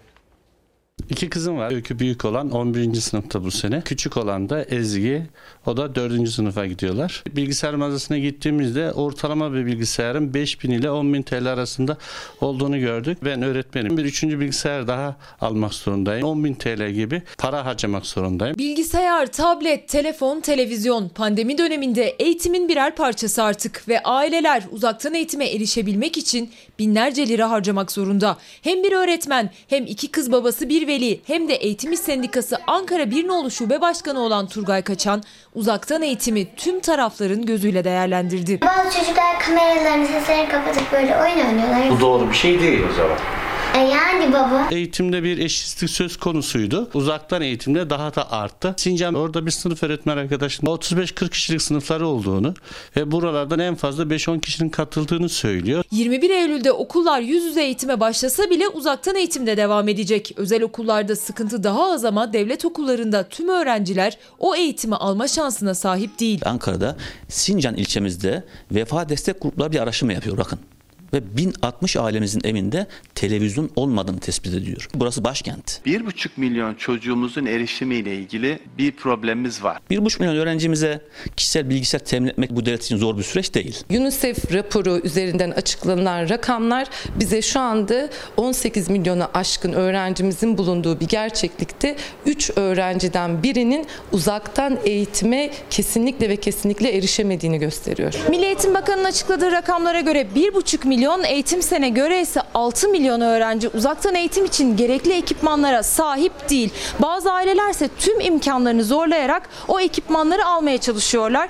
Dizüstü bilgisayarların ikinci eli 1500 liradan, tabletlerin ikinci eli ise 1000 liradan başlıyor. Birinci sınıf var, ortaokul var, lise var. 3 tane tablet aldım mesela.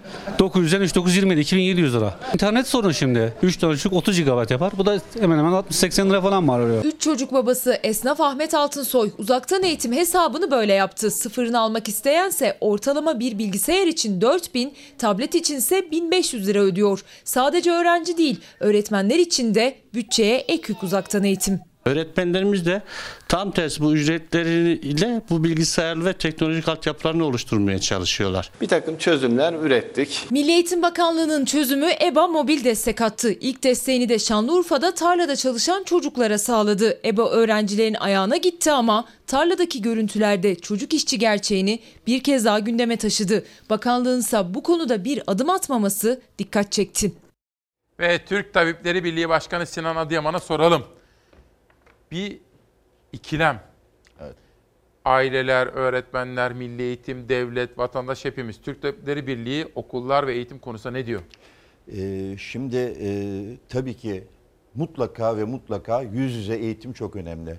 150 yıldır insanlık hem sosyalleşiyor, kreşler, ilkokullar, anaokulları, lise, üniversite ama esas sosyalleşme ve yüz yüze eğitim kreşlerden itibaren başlıyor. Anaokullarına sonra ilkokullara. Bu çok önemli. Yani e, yüz yüze eğitimin e, kaldırılmasına, e, iptal edilmesini Türk Tabipleri Birliği savunamaz. Ama şöyle bir durum var. E, şimdi bir takım kriterlerin konması lazım. Yani ne önce 31 Ağustos'tu sonra e, buyruk geldi 21 Eylül'e ertelendi. Hiçbir gerekçe yok. Biz başından beri şunu söylüyoruz. Sağlık Bakanlığı, Milli Eğitim Bakanlığı konuyla ilgili e, meslek birlikleri, sağlık meslek birlikleri ve sendikaların eğitim ve sağlıkla ilgili sendikaların bir araya gelip bir takım kriterler ortaya koyması lazım ve bu kriterlerin sağlanması için gerekli çabanın Mesela- devlet tarafından sağlanması Mesela lazım. belli bir vaka sayısı olması gerekiyor Tabii değil ki mi? Diyeceksin dünyada ki, dünyada böyle bir standart var. Mesela 100 binin de birinin altı. Finlandiya, Güney Kore, Japonya buna bakıyor. Yani Hmm. 100 binde bir. Ha biz e, ülkeden ülkeye değişebilir bu. 100 binde bir, e, 100 binde birinin altı olması gerekmiyor. 20 deyin, 30 ama bir şey deyin. Yani Hmm. hiçbir kriter yok. 21 Eylül'de açacağız. E, şimdi devlet yüz yüze, yüz yüze, öte- e, yüz yüze eğitimin e, gerçekleşmesi için gerekli şartları ortaya koymak zorundadır. Bir adım geri gelebilir misiniz? Hem açımız için hem mesafemiz için. Tamam, Evet. evet. E, bunu korumak zorunda, yani bunu ortaya koymak zorunda. Tamam. E, bir kere okul e, sağlığı ile ilgili eğitim bilimcilerin, mimarların, okulların sistemlerinin, Tamam. e, e, fizik şartlarının, e, e, inşaat mühendislerinin bir araya gelip bir takım kriterler ortaya koyması ve buradaki e, okullardaki e, şartların ne olduğunu ortaya koyması ve Türkiye'deki okullardaki bu şartların buna uyup uymadığını anlaması lazım. Bakın okul sağlığında kimler var? Hekimler var, hemşireler var, sosyal hizmet uzmanları var ve e, e, psikologlar var. Bu dört bu dört branşın okullarda bu sistemi çok iyi takip etmesi gerekiyor. Dolayısıyla biz bu kriterler ortaya konmadan Türk Tabipleri Birliği olarak açılsın ya da açılmasın diye bir şey söylememiz mümkün değil. Ama uzaktan eğitim eşitsizlikleri derinleştiriyor. Bir şey soracağım. Sizin okula giden çocuğunuz olsa şimdi, Evet. hani veliler açısından söyleyeyim. Mesela ilkokula giden, ortaokula giden çocuğunuz olsa, devlet okulunda okuyor. Önce öyle sorayım. Evet. Yollar mısınız? Şimdi şöyle, e, ben tekrar buna net bir cevap veremeyeceğim. Kriterlerin ortaya konması lazım ve epidemiyolojik verileri bilmemiz lazım. Ben hekimim e, ve bunu halk sağlığı uzmanlarına, epidemiyologlara, e, okul okul sağlığı uzmanlarına yani o okulda sağlığı sağlayan uzmanlara sormam lazım. Ben hiçbir veri bilmeden bu konuda en ufak bir şey söyleyeyim. Mesela Ankara'da kaç hasta var? Ankara'da e, ki hastaların yaş oranı nedir?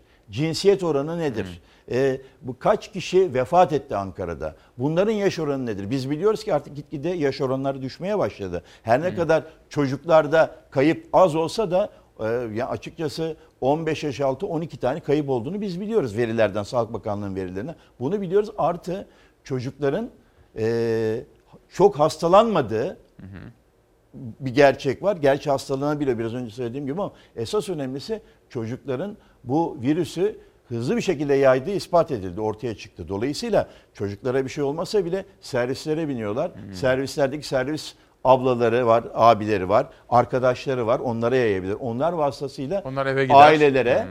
büyük annelere, büyük babalara bu şekilde salgın hızla yayılabilir. Onun için bir an önce ve bir an önce biz işte 21 Eylül'de açacağız demekle olmuyor. Ee, biraz önce söylediğim gibi uzaktan e, eğitim hakikaten %90 ailenin çocuğunda internet yok, bilgisayar yok. Evet.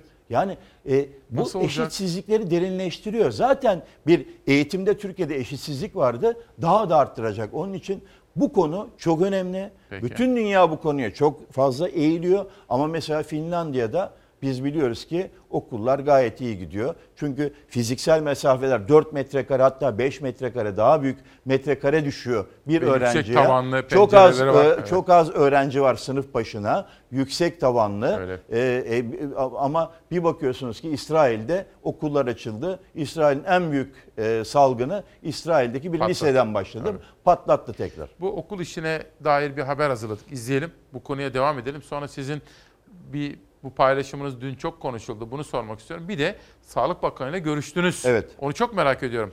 Hazır mıyız arkadaşlar? Eğitim konusuna devam ediyoruz.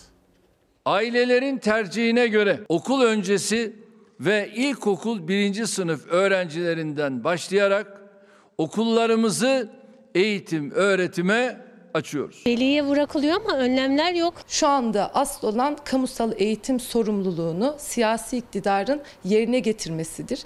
Velilerin tercihine bırakmak gereğini yapmamanın ifadesidir aynı zamanda. Hastalık kaparsa biz sorumlu tutulacağız. Cumhurbaşkanı Erdoğan eğitim yüz yüze mi uzaktan mı olacak bilmecesine açıklık getirdi. Bir yandan uzaktan eğitim devam ederken diğer yandan 21 Eylül'de küçük sınıflardan başlanarak kademeli olarak okullarda açılacak. Ama Erdoğan'ın bir şartı var. Buranın altını çiziyorum.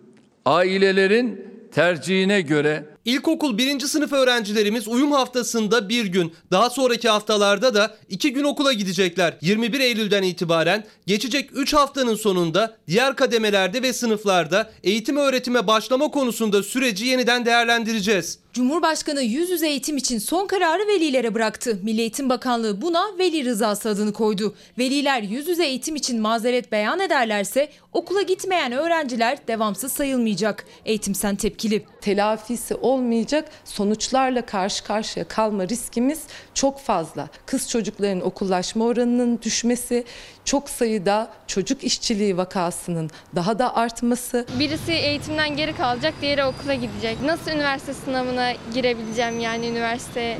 Gitmem gerekiyor, okumam gerekiyor ama şimdi temelim olmadan, bilgim olmadan nasıl yapacağım yani? Öğrenciler geleceklerinden, velilerse çocuklarının sağlığından endişeli. E Ben veli olarak mesela kesinlikle okula göndermem çocuğum. Okullarda önlemler şey olmayacak yani yeterli olmayacak. Sizin okulunuzda bir temizlik görevlisi var mıydı geçtiğimiz yıllarda? Yok. Devletimiz okulu açılacaksa muhakkak ki önlemini de almıştır yani. Almama şansı yok. Sınıfınız kaç kişilik?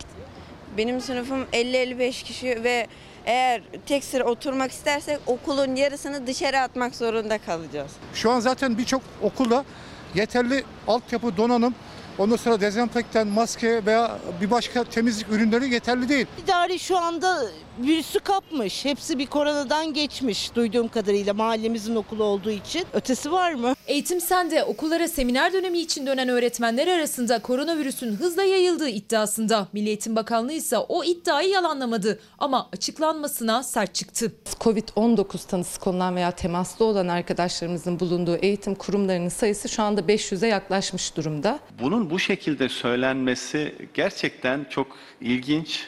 Daha zekice açıklamalara ihtiyacımız var. Milli Eğitim Bakanlığı'nın elinde bununla ilgili bir veri var mı? Elbette isim isim saptamalara sahibiz. Yüz yüze eğitimin başlamasına sayılı günler kala kaç okul fiziki ve temizlik şartları açısından eğitime hazır hala soru işareti. Cumhurbaşkanı ise yaşanacak aksiliklerle ilgili uzaktan eğitiminde devrede olacağını açıkladı. Hem yüz yüze eğitimi hem de uzaktan eğitimi birlikte gerçekleştireceğimiz bir sistemle devam edeceğiz. Türk Tabipleri Birliği Başkanı'na soralım. Başkan şu anda hastanelerde ve yoğun bakımlarda durum ne? Ee, Türkiye satında zaten bir e, yükselme eğiliminde e, salgın ama bazı illerde mesela Ankara gibi illerde ve küçük illerde yoğun bakımlarda gerçekten ciddi problem var. Ee, şöyle söyleyeyim özellikle Ankara'da çok yoğun hasta var. Ee, Ankara'da e, yoğun bakımlarda çok az yer kaldı. Bazı hastanelerde zaten yer yok. Gazi Üniversitesi Başhekimliği açıkladı. A- Ankara Üniversitesi'nde çok az yer kaldı biliyorum. Ee, Hacettepe öyle. Ee, şehir hastaneleri öyle. Ankara'da iki hastane hariç tekrar bütün hastaneler pandemi hastanesi ilan edildi. Kamu hastaneleri. O Ee, kapatılan hastaneler vardı bizim Evet onlar falan. on- onların e, bil- biliyorsunuz şehir Evet. hastaneleri kamu özel işbirliğiyle kurulan şehir hastanelerinin nedeniyle Ankara'da 6 tane hastane kapatıldı. Bu hastanelerin kapatılmaması gerektiğini, şehir hastanelerinin e, büyük devasa şehir hastaneleri açacaklarını, şehrin belli bölgelerinde 600 yataklı hastane açmaları gerektiğini söyledik. Maalesef dinletemedik ama şu anda Sağlık Bakanlığı yüksek ihtisas ki hakikaten çok güzel bir hastanedir. Yani ilklerin hastanesidir Evet, biliyorsunuz Ankara'yı. Ankara Numune Hastanesi sadece Ankara'yı değil bütün Anadolu'nun acillerini karşılayan bir çok kıymetli hocaların olduğu, hekim arkadaşlarımızın olduğu hastaneler kapatıldı. Şimdi bu iki hastane tekrar özellikle Covid hastaları için, yoğun bakım hastaları için tekrar e, düzenlenmeye başlandı. Tekrar tefriş ediliyor E, ve biz e, tekrar buradan ben e, e, açıklamak istiyorum. Bir an önce bu kapatılan hastanelerin tekrar açılması çok önemli. Heybeliada'yı da soracağım size. Tabii ki. Şimdi bir sağlık çalışanlarının durumu. Ben işte birkaç hafta evvel Alpay Azap'ı da aramıştım. Alpay Hoca'dan şöyle bir şey duydum hocam. Bak diyor ki Alpay Azap 1500 hasta yatırdım ben diyor. Şimdi bir tek tek başına 1500 hasta yatırdı. Ankara Üniversitesi Tıp Fakültesi. Ya yani çok şey bir hocam. Şimdi bakın Ankara Tabip Odası Ankara'da koronavirüsü taşıyan sağlık çalışanı sayısının 8 Eylül itibariyle 799'a yükseldiğini açıkladı. Peki sağlıkçılar, orada çalışanlar, idari personel, temizlikçiler, asansörcüler Çok kötü durumdayız. Çok e, yorgunuz. Arkadaşlarımız çok yorgun, çok bitkin, kendilerini değersizleştirilmiş hissediyor. Bir, böyle bir e, e, tükenmişlik e, içinde arkadaşlarımız. Bakın biz Sağlık Bakanı'ndan hani bir e, randevu e, görüştük ya. Görüşünüz. Bir randevu istedik. Çünkü niye istedik? Artık artık feryat ediyor bütün sağlık çalışanları, hekim arkadaşlarımız, bütün sağlık çalışanları 38 Ekim bizim saydığımız 38 Ekim 80 sağlık çalışanı hayatını kaybetti bu dönemde ve e, uzmanlık dernekleri kendi e, arkadaşları da bu vefat eden ya da enfekte olan hastalar içinde E, dolayısıyla e, hem e, Türk Tabipleri Birliği Merkez Konseyi, uzmanlık dernekleri eşgüdüm kurulu ve uzmanlık dernekleri temsilcileriyle beraber görüşmek için bir randevu talep etmiştik. Ee, bana ve e, COVID-19 İzleme Kurulu'ndan Özlem hocamıza e, bir Özlem Azap e, hocamız. Özlem Azap hocamıza bir e, randevu geldi. Bizim için e, yeterli değil bu belki ama görüşme önemlidir. Niçin önemlidir? Yani Türk Tabipleri Birliği her zaman görüşmek ister ve görüşür. Sorunları iletmek için iki sorun var. Ne? Bir, sağlık çalışanlarının sorunları. ikincisi de toplum sağlığı. Yani pandeminin e, nasıl e, idare edilemediğinin açıklanması ve tedbirlerin anlatılması bir konusunda. şey diyeceğim. Bakana ne dediniz siz? Bakana oldukça uzun e, yani 2 saat 10 dakika sürdü Özet. esasında konuşma. Evet. Özet olarak sağlık çalışanlarının sorunlarından bahsettik. O kadar çok sorun var ki asistan hekim arkadaşlarımız bakın çok dile getirilmiyor. Biz yazdık kendisine Sağlık Bakanı'na ama asistan hekim arkadaşlarımız 36 saat çalışıyorlar. Hatta bu pandemi döneminde bir gün 24 saat çalışıyorlar. Ve nöbet sonrası izinleri yok. Bunu biz YÖK'e de yazdık, Sağlık Bakanlığı'na yazdık. Bu anayasaya aykırıdır. Artı gene üniversite hastanelerinde ve e, e, eğitim hastanelerinde, kamunun eğitim hastanelerindeki asistan arkadaşlarımız görev yerlerinden alınıp filyasyon ekiplerine veriliyorlar. Yani üniversitedeki halk sağlığı asistanları filyasyon ekibine, kardiyoloji asistanları filyasyon ekibine, artık neredeyse hocaları bile filyasyon ekibine verecekler. Bunu bakana söylediniz. Söyledik. Bakan ne dedi? Çok yoğun Ankara özellikle dedi. Almak zorundayız dedik. Bakın eğitimleri aksıyor arkadaşlarımızın. Başka bir formül bulunması lazım. Yani e, düşünebiliyor musunuz? Çok yoğun çalışan asistan arkadaşlarımız var. Yoğun bakımlarda çalışıyorlar. Pandemi kliniklerinde çalışıyorlar. Pandemi yoğun bakımlarda Nöbet sonrası izin verilmiyor. Peki. Halbuki bu anayasal hak. Bakana başka ne dediniz? Mesela bakanla konuştunuz. Tabii meseleleri gündeme getiriyoruz. Başka ne dediniz? Aile hekimlerinden bahsettik. Aile hekimlerinin çok büyük sorunları var. Aile hekimleri başından beri biliyorsunuz aile hekimliği ayrı bir sistemdir. Ee, hastalandıkları zaman mesela Covid hastası bakıyor aile hekimi. Evet. Covid hastalığına yakalanıyor. Rapor alıyor. Maaşından kesiliyor. Hani deniyordu ya e, prim verilecek. Ondan sonra ek ödemeler tavandan verilecek. Böyle bir şey olur mu ya? Aksine ma- kaç kere yazmıştık Sağlık Bunu Bakanı. bakana dediniz Bunu mi? söyledik ve Yanıt? ertesi gün bu düzeltildi. Güzel. Yani Güzel. elde ettiğimiz tek sonuç bu. Ama onun dışında Sağlık Bakanı mesela bir takım iyileştirmeler e, ücretlerde bunu da e, istedik. Bütün sağlık çalışanları, hekimler ve bütün sağlık Bir çalışanları soru. için Sağlık Bakanı'na ki ilk başlarda çok güven duyuluyordu. Sonradan o güven azalmaya başlamış. Sağlık Bakanı bu rakamlar doğru mu? Kamuoyunda bir e, soru işaretleri var. De- konuştunuz mu bunu? E, tabii ki söyledik. Sayın Bakan dedik biz bu turkuaz rengi tablodaki rakamlara inanmıyoruz. Kimse de inanmıyor. Çünkü bize gelen bilgiler var. 64 Tayyip Odası'ndan bize gelen bilgiler var ve arkadaşlarımız veri yolluyorlar. Şimdi mesela şunu bir değerlendirir misiniz bize efendim? Bu 8 Eylül 2020 yani dün Evet, ait. Evet. Test sayısı 110 bin. Tabii bu güzel. Güzel, test güzel. yüksek. Daha da artsa daha iyi olur ama Bugünkü güzel. hasta sayısı- Ama kaç kişiye yapıldığını bilmiyoruz bu testlerin biz. Nasıl? 110 bin kişiye yapılmadı bu testler. Ha, bir bu- kişiye birden fazla yapılmış. Tabii ki O- bir milletvekilinde 8 tane bakın. Başından beri bunu soruyoruz. Bu kadar test kaç kişiye yapılıyor? Şikayeti olup hastaneye başvurana mı yapılıyor? Filyasyon sırasında mı yapılıyor ve temaslılara mı yapılıyor? Biz biliyoruz ki temaslara da yapılmıyor. E, sağlık çalışanlarına zaten yapılmıyor. E, kimlere yapılıyor bu test? Kime yapılıyor? Vallahi kulağımıza gelen birçok şey var. Futbol takımlarına yapılıyor. Bakana sordunuz mu? Tabii canım yurt dışına çıkışlarda Ha, bir dakika, yapılıyor. bir dakika. Bakan ne dedi? Hiç cevap vermedi. Kaç kişiye ya sorduk kaç kişiye yapılıyor dedik. Cevap vermedi buna. Peki dünkü hasta sayısı 1761. Gitgide yükseliyor. Daha da yükselecek maalesef. Yani bilimsel veri tabii ki böyle bir temennimiz olmaz hiçbir zaman ama bilimsel olarak baktığınız zaman epidemioloji bilimine sorduğunuz zaman epidemioloji bilimi Bir şey bunun daha da artacağını Başkan. söylüyor.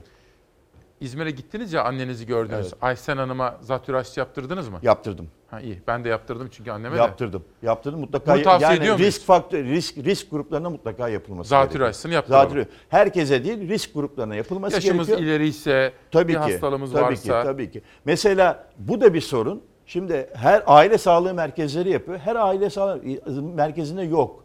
Dolayısıyla insanlar risk gruplarına gidiyorlar, aşı olmak istiyorlar. Yok dendiği zaman yani sistemden kaynaklanan bir problem bu. Çünkü aile sağlığı merkezine bakanlık yollamıyor. Arada sorun çıkıyor hastalarla hekim Ben arkadaşlarımız mesela arasında. Simav'daki bir tanıdığımı aradım eczacı. Ya dedim ki anneme böyle böyle getirttirdik ilacı.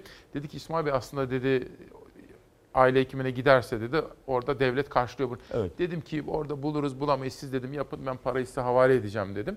Ama aslında bulunamıyor mu her yerde? Her yerde bulunamıyor. Hayır. bu. Zaman zaman geliyor ama her aile sağlığı merkezine gelmiyor. Bu da bir sorun. Yani Bir açıkçası. başka soru. Grip aşısı. Şimdi ben annem için bir de grip aşısı ayırttırdım. Yani geldiği zaman hani listeye giriyor. İnşallah yeteri kadar gelirse. Onu da bir grip aşısı da olalım mı? Yani e, olunsun mu? Bakın herkes herkes olmalı esasında ama bir problem var. Nedir? Şimdi 3 tane firma yapıyor bütün dünyada grip aşısını ve e, çok az sayıyı çok az arttırdılar. Yani 200 milyon doz grip aşısı e, yapıldı ve e, bütün e, ülkelere bir sene önce ve aldıkları kadar doz gönderileceği söylenmiş. Şimdi Türkiye'de bir 5 yaş altı yapılmalı. 2 65 yaş Yapılmalı. yapılmalı. E, gebelerle yapılmalı. E, kronik obstrüktif akciğer hastalığı olanlar yapılmalı. Kalp rahatsızlığı olanlara yapılmalı. Bütün bunları 65 yaş üstü zaten 9 milyon vatandaşımız var. Hepsini topladığınız zaman 20 milyon civarında ediyor. Türkiye'ye geçen sene verilen aşı miktarını biliyor musunuz? 2 milyon. Yani dolayısıyla yine gerçekten ihtiyacı olan e, yurttaşlara yeteri kadar aşı bulamayacağız. Peki- Biz iki ay önce Türk Tabipleri Birliği olarak uyardık bakanlığı. Halk sağlığı hocalarımız bizi uyardı. Bunu sorun bakanlığa diye biz de uyardık.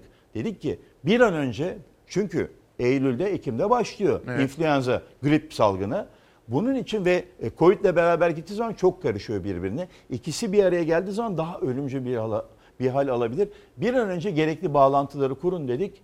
E, kurulduğu söyleniyor. Ne kadar geldi bilmiyoruz ama Bakanla geçen bu konu- sene biz 2 milyon yapıldığını biliyoruz. Hatta 2 milyon bile değil. Sayın Bakan'la görüşmenizde bu... Tabii ki konuşuldu. Konuşuldu mu? konuşuldu. Biz gerekli çalışmaları yaptık, ısmarladık dedi ama sayı hakkında bilgi vermedi. Ama açıkçası hatta şunu söyledi. Yani bütün dünya çok fazla istediği için biz de istediğimiz kadar alamayacağız dedi. Peki bunu en azından 65 yaş üstü vatandaşlarımız için devlet karşılayacak mı? Nasıl olacak? Herkes Ee, kendisi mi? Normalde tabii aile sağlığı merkezlerinde karşılanması lazım ama biz biliyoruz ki bazı özel hastanelerde e, bu ücretli olarak da yapılıyor. Yani belli bir e, özel hastanelere ve kamu aile sağlığı merkezlerine, kamu hastanelerine dağıtılıyor bu.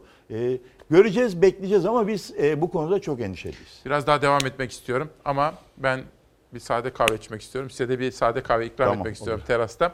Değerli izleyenlerim, hepinizin ve hepinizin sevdiklerinin hayatını, sağlığını çok yakından ilgilendiren bu özel konuda en yetkili isim Türk Tabipleri Birliği Başkanı Sayın Sinan Adıyaman konuğumuz İsmail Küçükkaya Demokrasi Meydanı seçimler diyorum seçim siyasi gazeteci olunca öyle Evet, oluyor. evet, evet. Reklamlardan sonra devam edecek.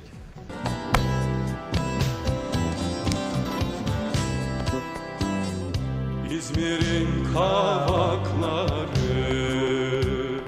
dökülür yaprakları.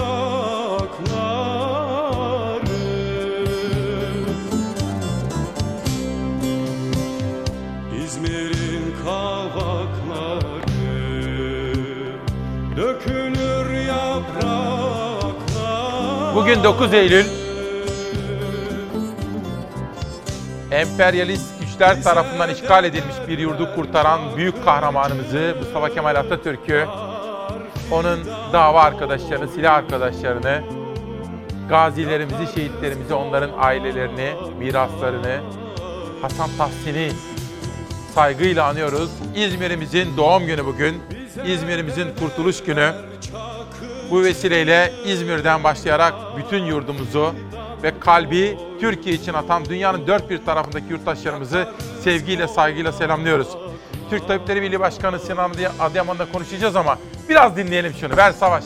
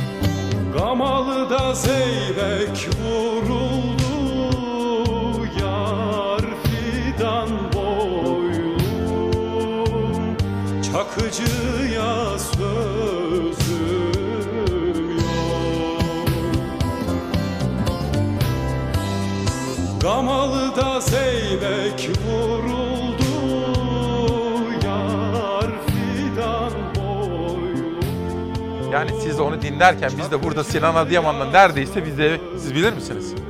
Biraz bilirim. Bizim Doğan Şentürk çok güzel oynuyor.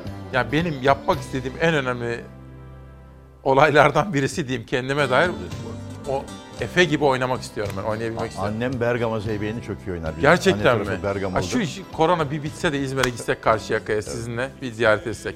Sayın Başkan, İzmir'e biraz sonra döneceğim ama önce şu manşeti de bir okumak istiyorum sizinle birlikte. Bu sabah İsmail Küçükkale Demokrasi Meydanı'nda Türk Tabipleri Birliği Başkanı Sayın Sinan Adıyaman konuğumuz. Bir gün gazetesi manşette diyor ki AKP iktidarından dünyada büyük heyecan yaratan buluş. Virüs müzikle yayılıyor, ünlem.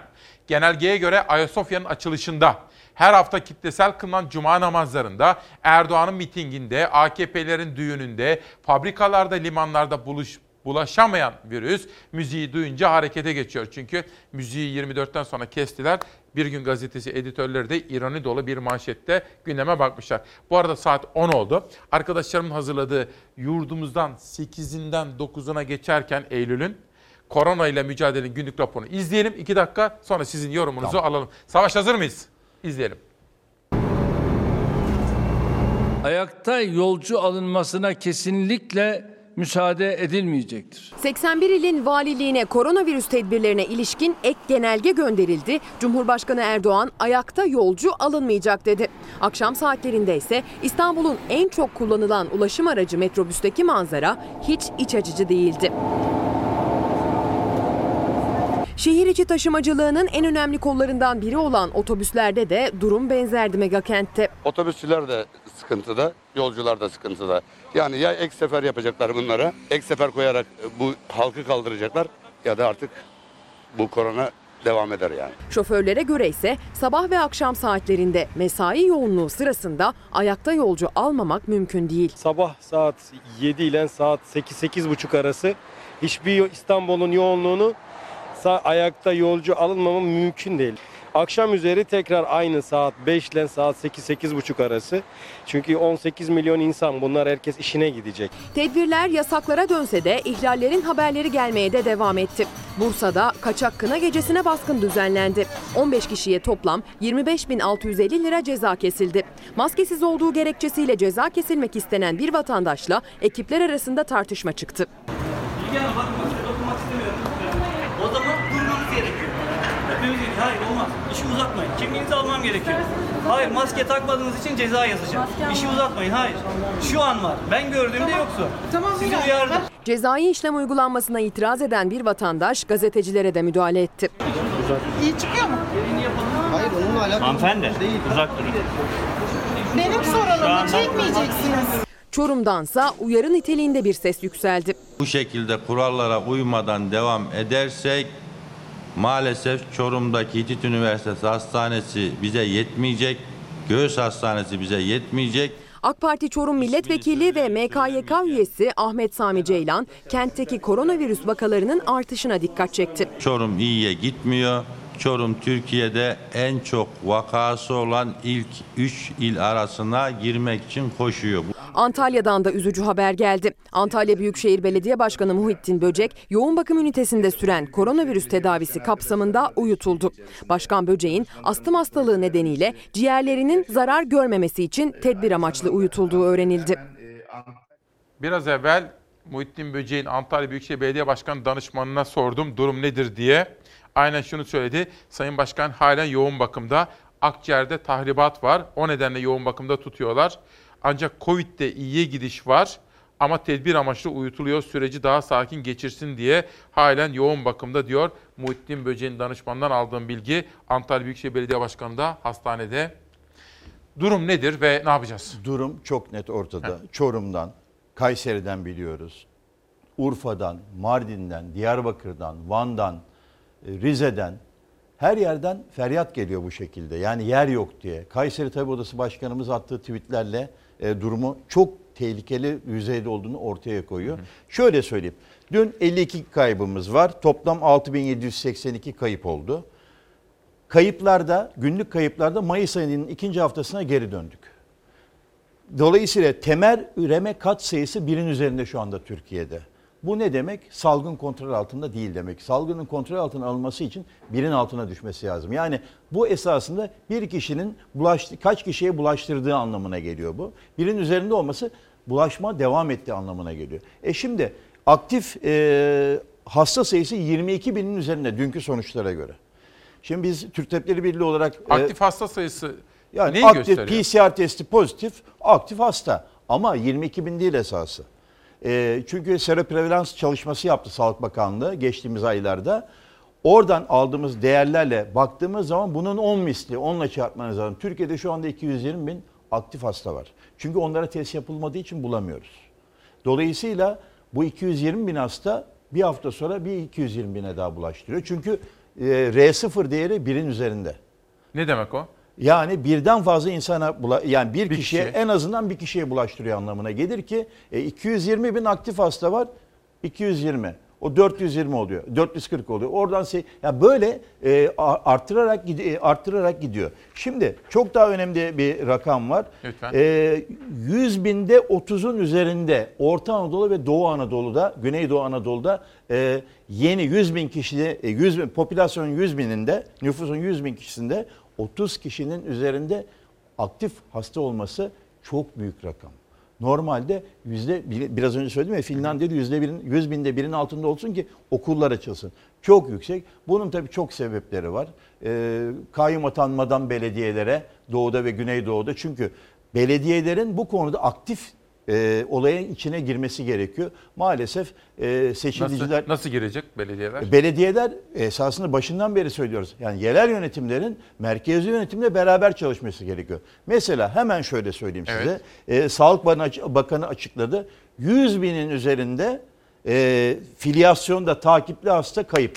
Yani e, temaslı olanlar bunlar. Filyasyonda evlerinde oturmaları gerekirken ortalıkta Bir geziyorlar. dakika. Geçen hafta bir haber okudum. Diyor ki Samsun'da karantinada olması gereken 262 hasta hiçbir evde bulunamadı diyor. Evet. Dolanıyorlar. Tüm Türkiye'de 100 binin üzerinde. Şimdi bu şekilde e, siz e, bu salgını önleyemezsiniz. Dolayısıyla bu insanların evlerinde değil işte kamu e, lojmanları, oteller, misafirhaneler boşaltılarak orada kamunun gözetiminde olması lazım. Bunun için de e, yerel yönetimlerde, belediyelerle mutlaka Ama işbirliği işte merkezi gerekmekte. yönetim özellikle İstanbul, Ankara gibi muhalefetin kazandığı yerlerde belediyelerle işbirliği içinde çalışmıyor. Gözlemim o. Yani öyle ama sonuç Benim itibariyle bu şu hani rakamlara inanmıyoruz dedik ya sadece bize gelen veriler değil e, belediye başkanlarının İstanbul ve Ankara Büyükşehir Belediye Başkanları'nın da söylüyorlar. söylediği rakamlardan zaten bu e, bu turkuaz rengi tablodaki e, rakamlara e, inanmamamız gerektiğini bu konuya soru işaretiyle yaklaşmamız gerektiğini gösteren en büyük tespitler. Hepimizin başına gelebilir. Bak dün bir ajanslarda haber gördüm Sayın Başkan. Akif Bekir'de Covid'di diye aradım. Hem geçmiş olsun dedim. Tabii. "A- Akif nedir durum dedim. Ya dedi biraz ateş. Çok böyle ciddi bir şey değil. Hani normalde hastalanırsınız ya kışın. Evet. Biraz eklem ağrısı şu bu. Hiç dedi ben önemsemedim aslında dedi. Geçer fakat arkadaşlarımın ısrarıyla gittim test yaptırdım ve Covid çıktım dedi. Bütün etrafını sordum. Eşin ne durumda? Yakın arkadaşlar var. Ahmet Güneştekin o çok yakındır. Onu aradım. Onlar da yaptırmışlar. Onlarda da yok. Fakat bu çok sinsi de bir virüs. Çok. E zaten hastaların %80'i hasta olduklarını bilmiyorlar. Çünkü semptom vermiyor. %20'sinde semptom veriyor. Onlar hastaneye başvuruyorlar. Şimdi bir, bir, bir ciddi problem daha Nedir? var. Ee, yurt dışına çıkı, çıkışı olacak e, e, hast, e, şeyler e, yolcular hastanelere gidip o kuyruklarda bekliyorlar. PCR testi şartı aranıyor ya. Çünkü bir tek Türkiye PCR testi e, sonucu istemiyor. Rusya'dan, Almanya'dan, Herkes geliyor. dört bir herkes geliyor. Bir tek Türkiye istemiyor neredeyse. Bunun dışında bütün ülkeler için yurt dışına çıkacak olan yurttaşlarımız PCR testi yaptırmak istiyor ve o kuyrukta bekliyorlar. Çin'de yapılan bir araştırmada yarı yarıya hastanın normalde hastaneye sağlıklı geldiğini, virüsü hastanede kaptığını Tabii. ortaya koydu.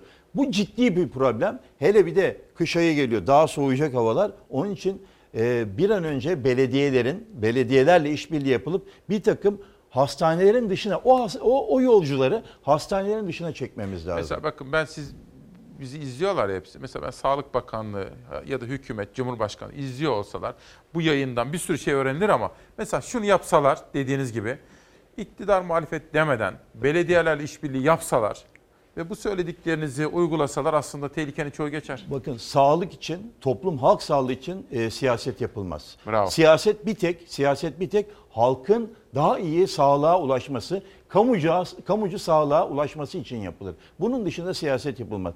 Bir o, bir de bazı özel hastanelerde bir Covid paketi çıktı. O da büyük problem şu anda? Türkiye'nin başına.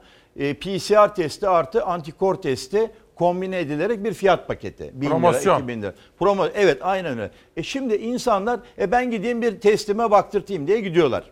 Bir takım cümleler. Şimdi e, iki türlü e, şey var. Bir boşa test yapılıyor. İkincisi bu e, e, antikor testleri var ya. Antikor testleri hastalığı geçirip geçirmediğinizi gösterir. Mesela diyelim ki o kafasına göre hiçbir doktor isteği olmadan gidiyor yaptırtıyor antikor testi pozitif. Yani oh ben de bu anti- şeyi geçirmişim diyor. Hastalığı geçirmişim diyor. Maskeyi falan atıyor yollarda dolaşıyor.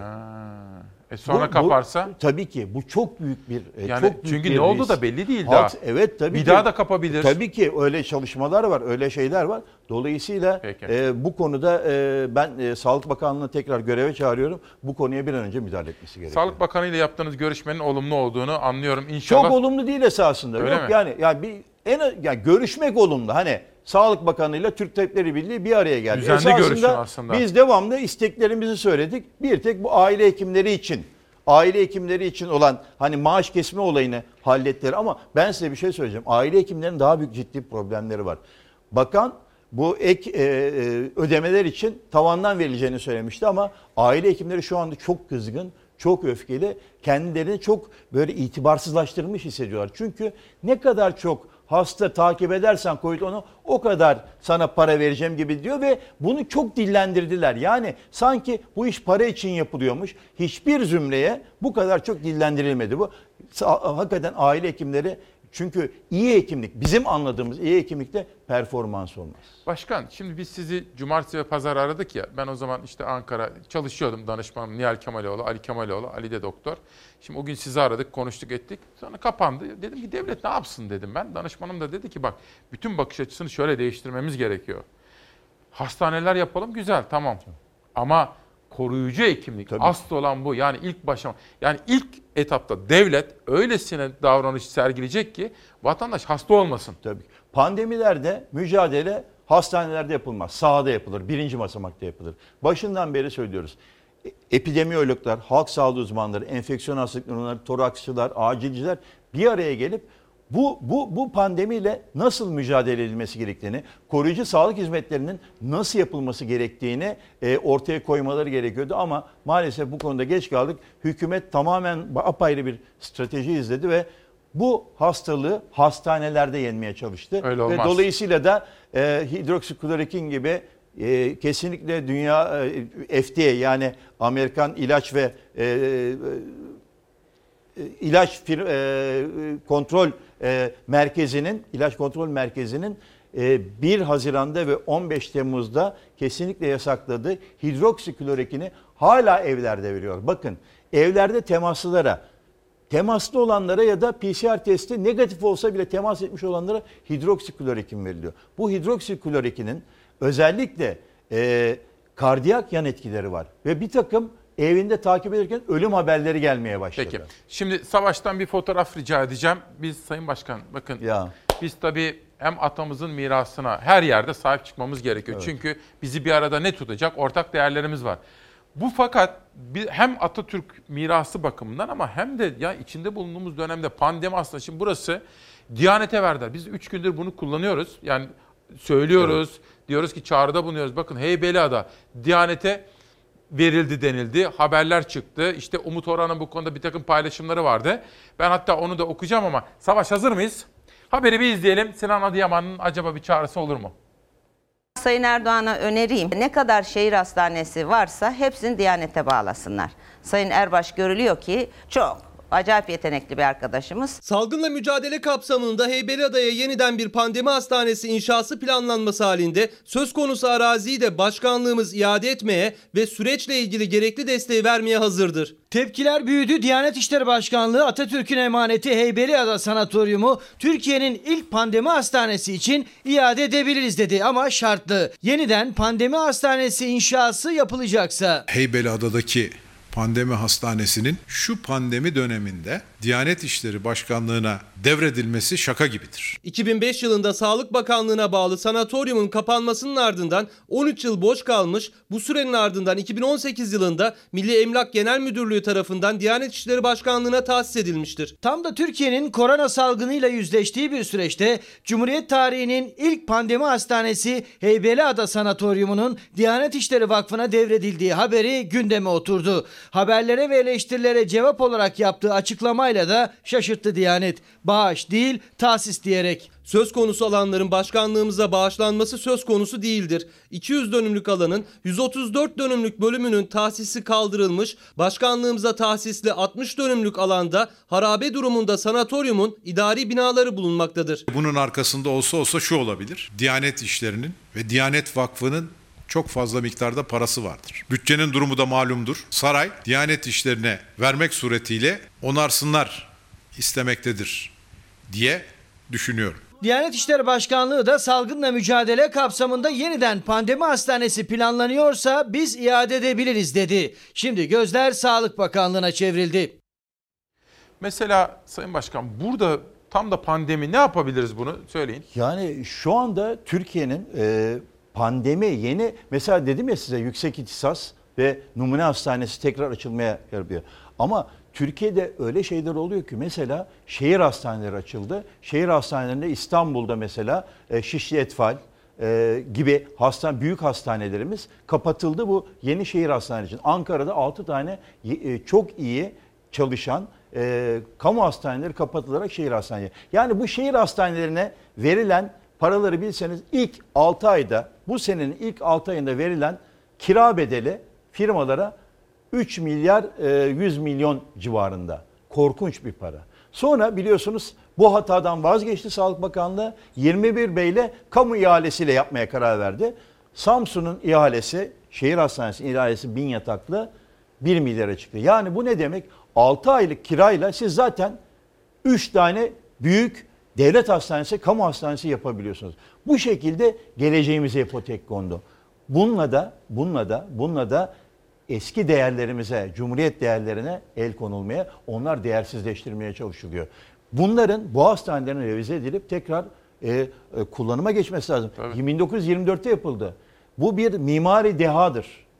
İçinde acayip bir havalandırma vardır. Yani e, tam da ihtiyacımız olan doğal ad- havalandırma vardır. Tabii adalara adalar Doğal adalara hizmet vardır eden bir ve hastane olsun. Bu, burayı Diyanet İşleri Başkanlığı'na e, verdiler. Diyanet diyor ya iade etmeye hazırız diye. Bence bir an önce yapsın Bakın, bunu. Hiçbir yerden talimat Dün beklemesin. sabah yayınımdan sonra Umut Orhan benimle iletişime geçti. Dedi ki sevgili İsmail Bey CHP derhal Sağlık Bakanlığı ile temasa geçmeli. Türk Tabipler Birliği, Türkiye Toraks Derneği, Adalar Belediyesi, İstanbul Büyükşehir Belediyesi hep birlikte çalışıp bu dünya çapında Cumhuriyet'in özel pandemi hastanesini değerlendirmemiz lazım diyor. Tabii ki biz Umut zaten Orhan. dün bir açıklama yaptık. Ee, bakanla eğer e, bir yeni randevu daha gerçekleşirse uzmanlık dernekleri beraber bunu tekrar gündeme getireceğiz. Tabii ki e, buranın tekrar e, bir sağlık e, merkezi olarak kullanıma geçmesi şart. Peki. Şimdi birkaç gündür çok konuşulan bir konu bu ulaşım, ulaşımdaki durum, ayakta yolcu alınır, alınmaz, yasaklar. Verelim. Savaş gazetemiz vardı. Milliyetteydi galiba. Şimdi tabii Milliyet şöyle veriyor. Salgında vaka ve ölüm sayıları her gün artıyor. Vatandaş kural tanımıyor. Denetimler yetersiz. Şimdi burası doğru aslında. Evet. Ama eksiği var. Yani burada tabii devletimizin de alması gereken... Kural koyması lazım. Abi devlet kural koyacak. Peki bir sonraki gazete pencere gelsin. Sinan Adıyaman'a soralım. Ayakta yolcu kararının zemini yok. Kalabalık otobüsten duraklara indi. Sayın Başkan şimdi pandemideyiz ama diyelim İstanbul'da, Ankara'da çalışıyorsunuz. İşe gitmeniz gerekiyor. Asgari ücretlisiniz. Ne yapacağız? Toplu taşıma kullanmak zorunda. Ya. Bakın biz bunların hep başından beri 1 Haziran'da bunlar yavaş yavaş hızlı bir şekilde ya e, toplu taşıma bu salgının yayılmasının en büyük etkenlerden biri. Siz istediğiniz kadar maske takın. İsterseniz çift maske takın. Eğer bu ayakta bu kadar sık bir yolcu taşıması olursa bu salgın kişiden kişiye e, bu virüs yayılır ve salgın çoğalır.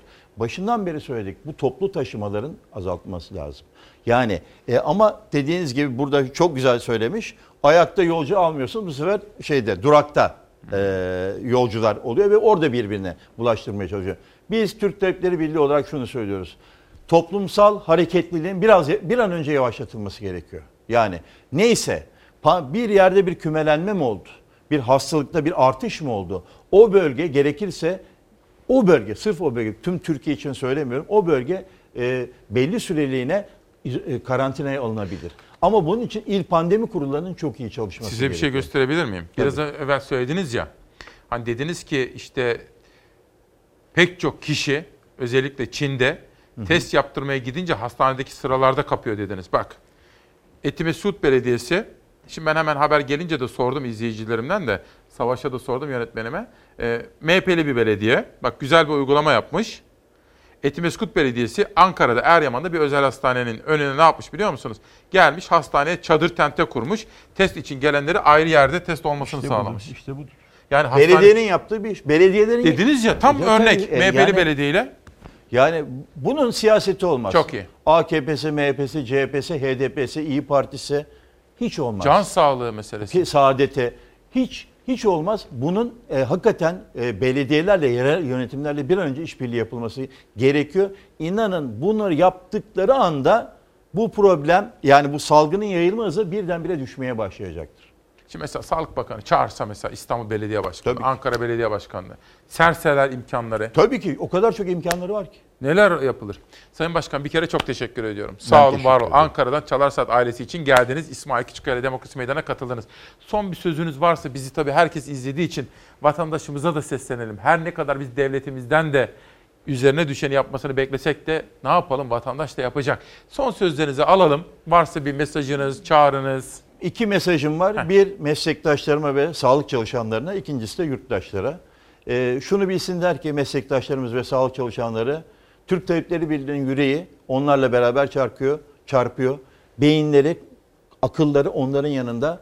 Her zaman onların yanında olmaya devam edecekler. En ufak bir sorunları olursa lütfen Türk Tabipleri Birliği ile temasa geçsinler. Ee, biz birlikte bunu başaracağımıza inanıyoruz.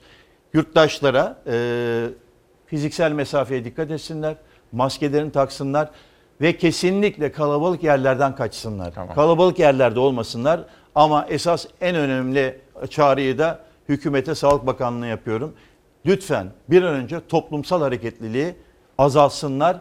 Toplum yani bu salgınla mücadele bilimi çok önemlidir. Lütfen bilim insanlarından e, bağımsız bilim insanlarından fikir alsınlar. Hep beraber bu işin üstesinden ancak o şekilde gelebiliriz. Türk Tabipleri Birliği Başkanı Sinan Adıyaman çok teşekkür ediyorum. Sağ olun, var olun. Bugün de sizin şahsınızda bütün doktorlarımız, hemşirelerimiz, hasta bakıcılarımız, teknikerlerimiz, asistanlarımız, temizlik görevlilerimiz, hastanedeki idari Eczacılarımız, personel, diş hekimlerimiz, hepsine, hepsine ne kadar teşekkür etsek azdır. İyi ki varsınız sizler. Sağ, Sağ olun. olun. Çok İyi teşekkür ediyorum. diliyorum. Sağ olun. Ben şimdi yönetmenimden rica ediyorum. Bir fotoğraf gelecek. Dünden bir fotoğrafımız. Kızımızın adı Begüm. Dün onun kıymetli annesi Melek Kartal ziyaretimize geldi. Davası vardı ve Bakırköy Adliyesi'ndeki davayı takip ettik. İşte sonucu.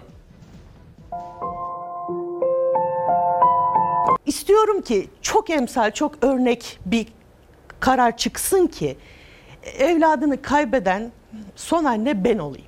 Emsal bir karar çıksın istiyordu. Bir daha trafikte hiçbir trafik canavarı makas atıp başka bir evladın canını yakamasın diyordu. Begüm'ün ölümüne neden olan makas atarak ilerleyen şoföre mahkeme heyeti 12 yıl 3 ay hapis cezası verdi. Gönlünden geçen nedir diye soruyorlar bana. Müebbet diyorum. Annesi Melek Kartal, İsmail Küçükkaya ile Çalar Saat'te gönlünden geçeni böyle dile getirdi. Saat 11.30'da Bakırköy 20. Ağır Ceza Mahkemesi'nde görüldü karar duruşması.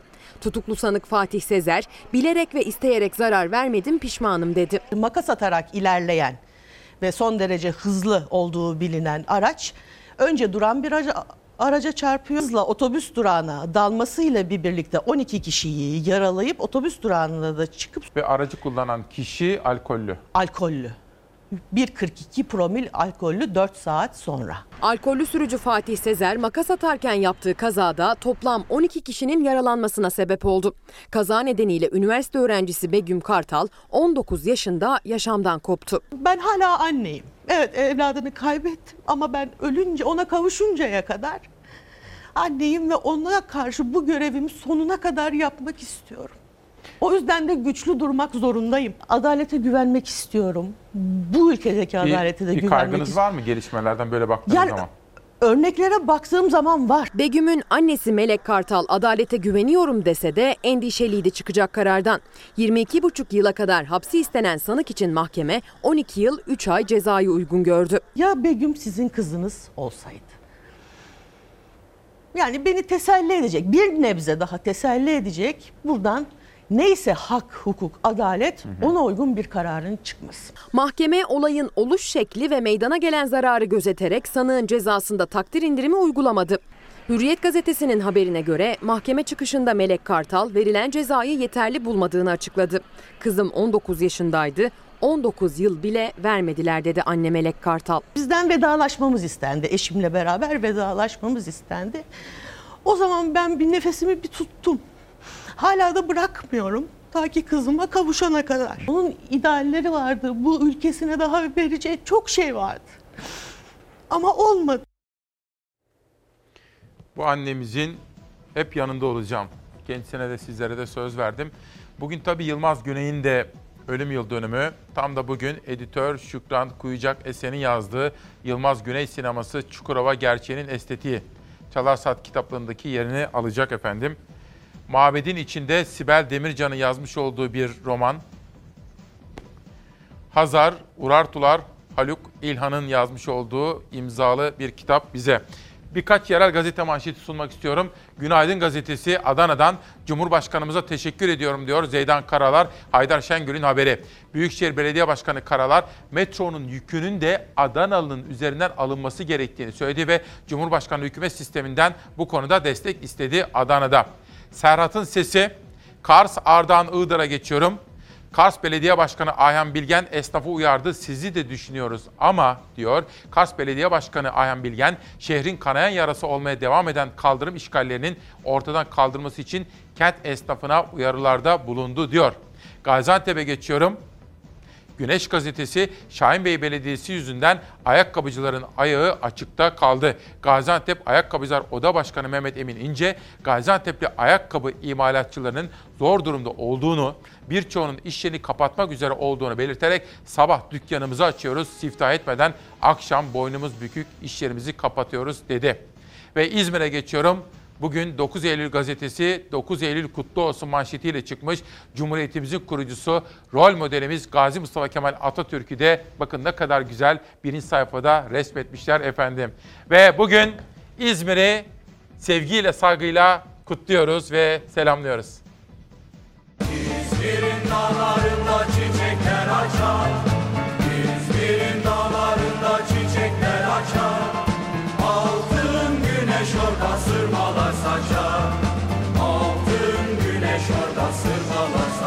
Yunan ordusunun Anadolu'daki 40 aylık varlığı karakteri bağımsızlık olan Türk milletine 40 asra bedel oldu. Hasan Tahsin'in attığı ilk kurşunla başladı mücadele. 9 Eylül'de Türk ordusunun İzmir'e girişine dek sürdü. 15 Mayıs 1919'da Yunan ordusunun İzmir'i işgali milli mücadelenin kaderini değiştirdi. Yunanlara karşı ilk kurşunu Hasan Tahsin attı. Onun duruşu Anadolu'nun duruşuydu.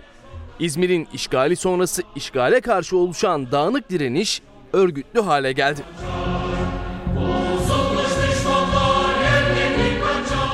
Mustafa Kemal'in komutasındaki Türk ordusu 26 Ağustos 1922'de Yunan ordusunu Anadolu'dan süpürmek için taarruza geçti. 5 günün sonunda 30 Ağustos'ta o büyük zafer kazanıldı. Aylar sürer denilen Yunan savunma hattı çok ama çok kısa sürede dağıtıldı. 30 Ağustos'taki büyük zaferin ardından Mustafa Kemal bakışlarını Ege'ye, İzmir'e çevirdi. Yunan ordusunun imhası için tarihi emrini verdi başkomutan. Ordular ilk hedefiniz Akdeniz'dir dedi. Başkomutanın emriyle ordular bir kez daha hücuma kalktı. 9 Eylül'e kadar sürecek, İzmir'de son bulacak 14 günlük Anadolu'dan süpürme harekatına başladı. 9 Eylül'de Türk ordusu İzmir'e girdi. Yunan işgalciler kentten temizlendi, denize döküldü. İzmir'in dağlarında çiçekler açtı. İzmir'in dağlarında çiçekler açar İzmir'in dağlarında çiçekler açar Altın güneş orada sırmalar saçar Altın güneş orada sırmalar saçar İzmir'in kurtuluşuyla 40 aydır hasret kalınan Türk bayrağı da gönderlerde dalgalandı.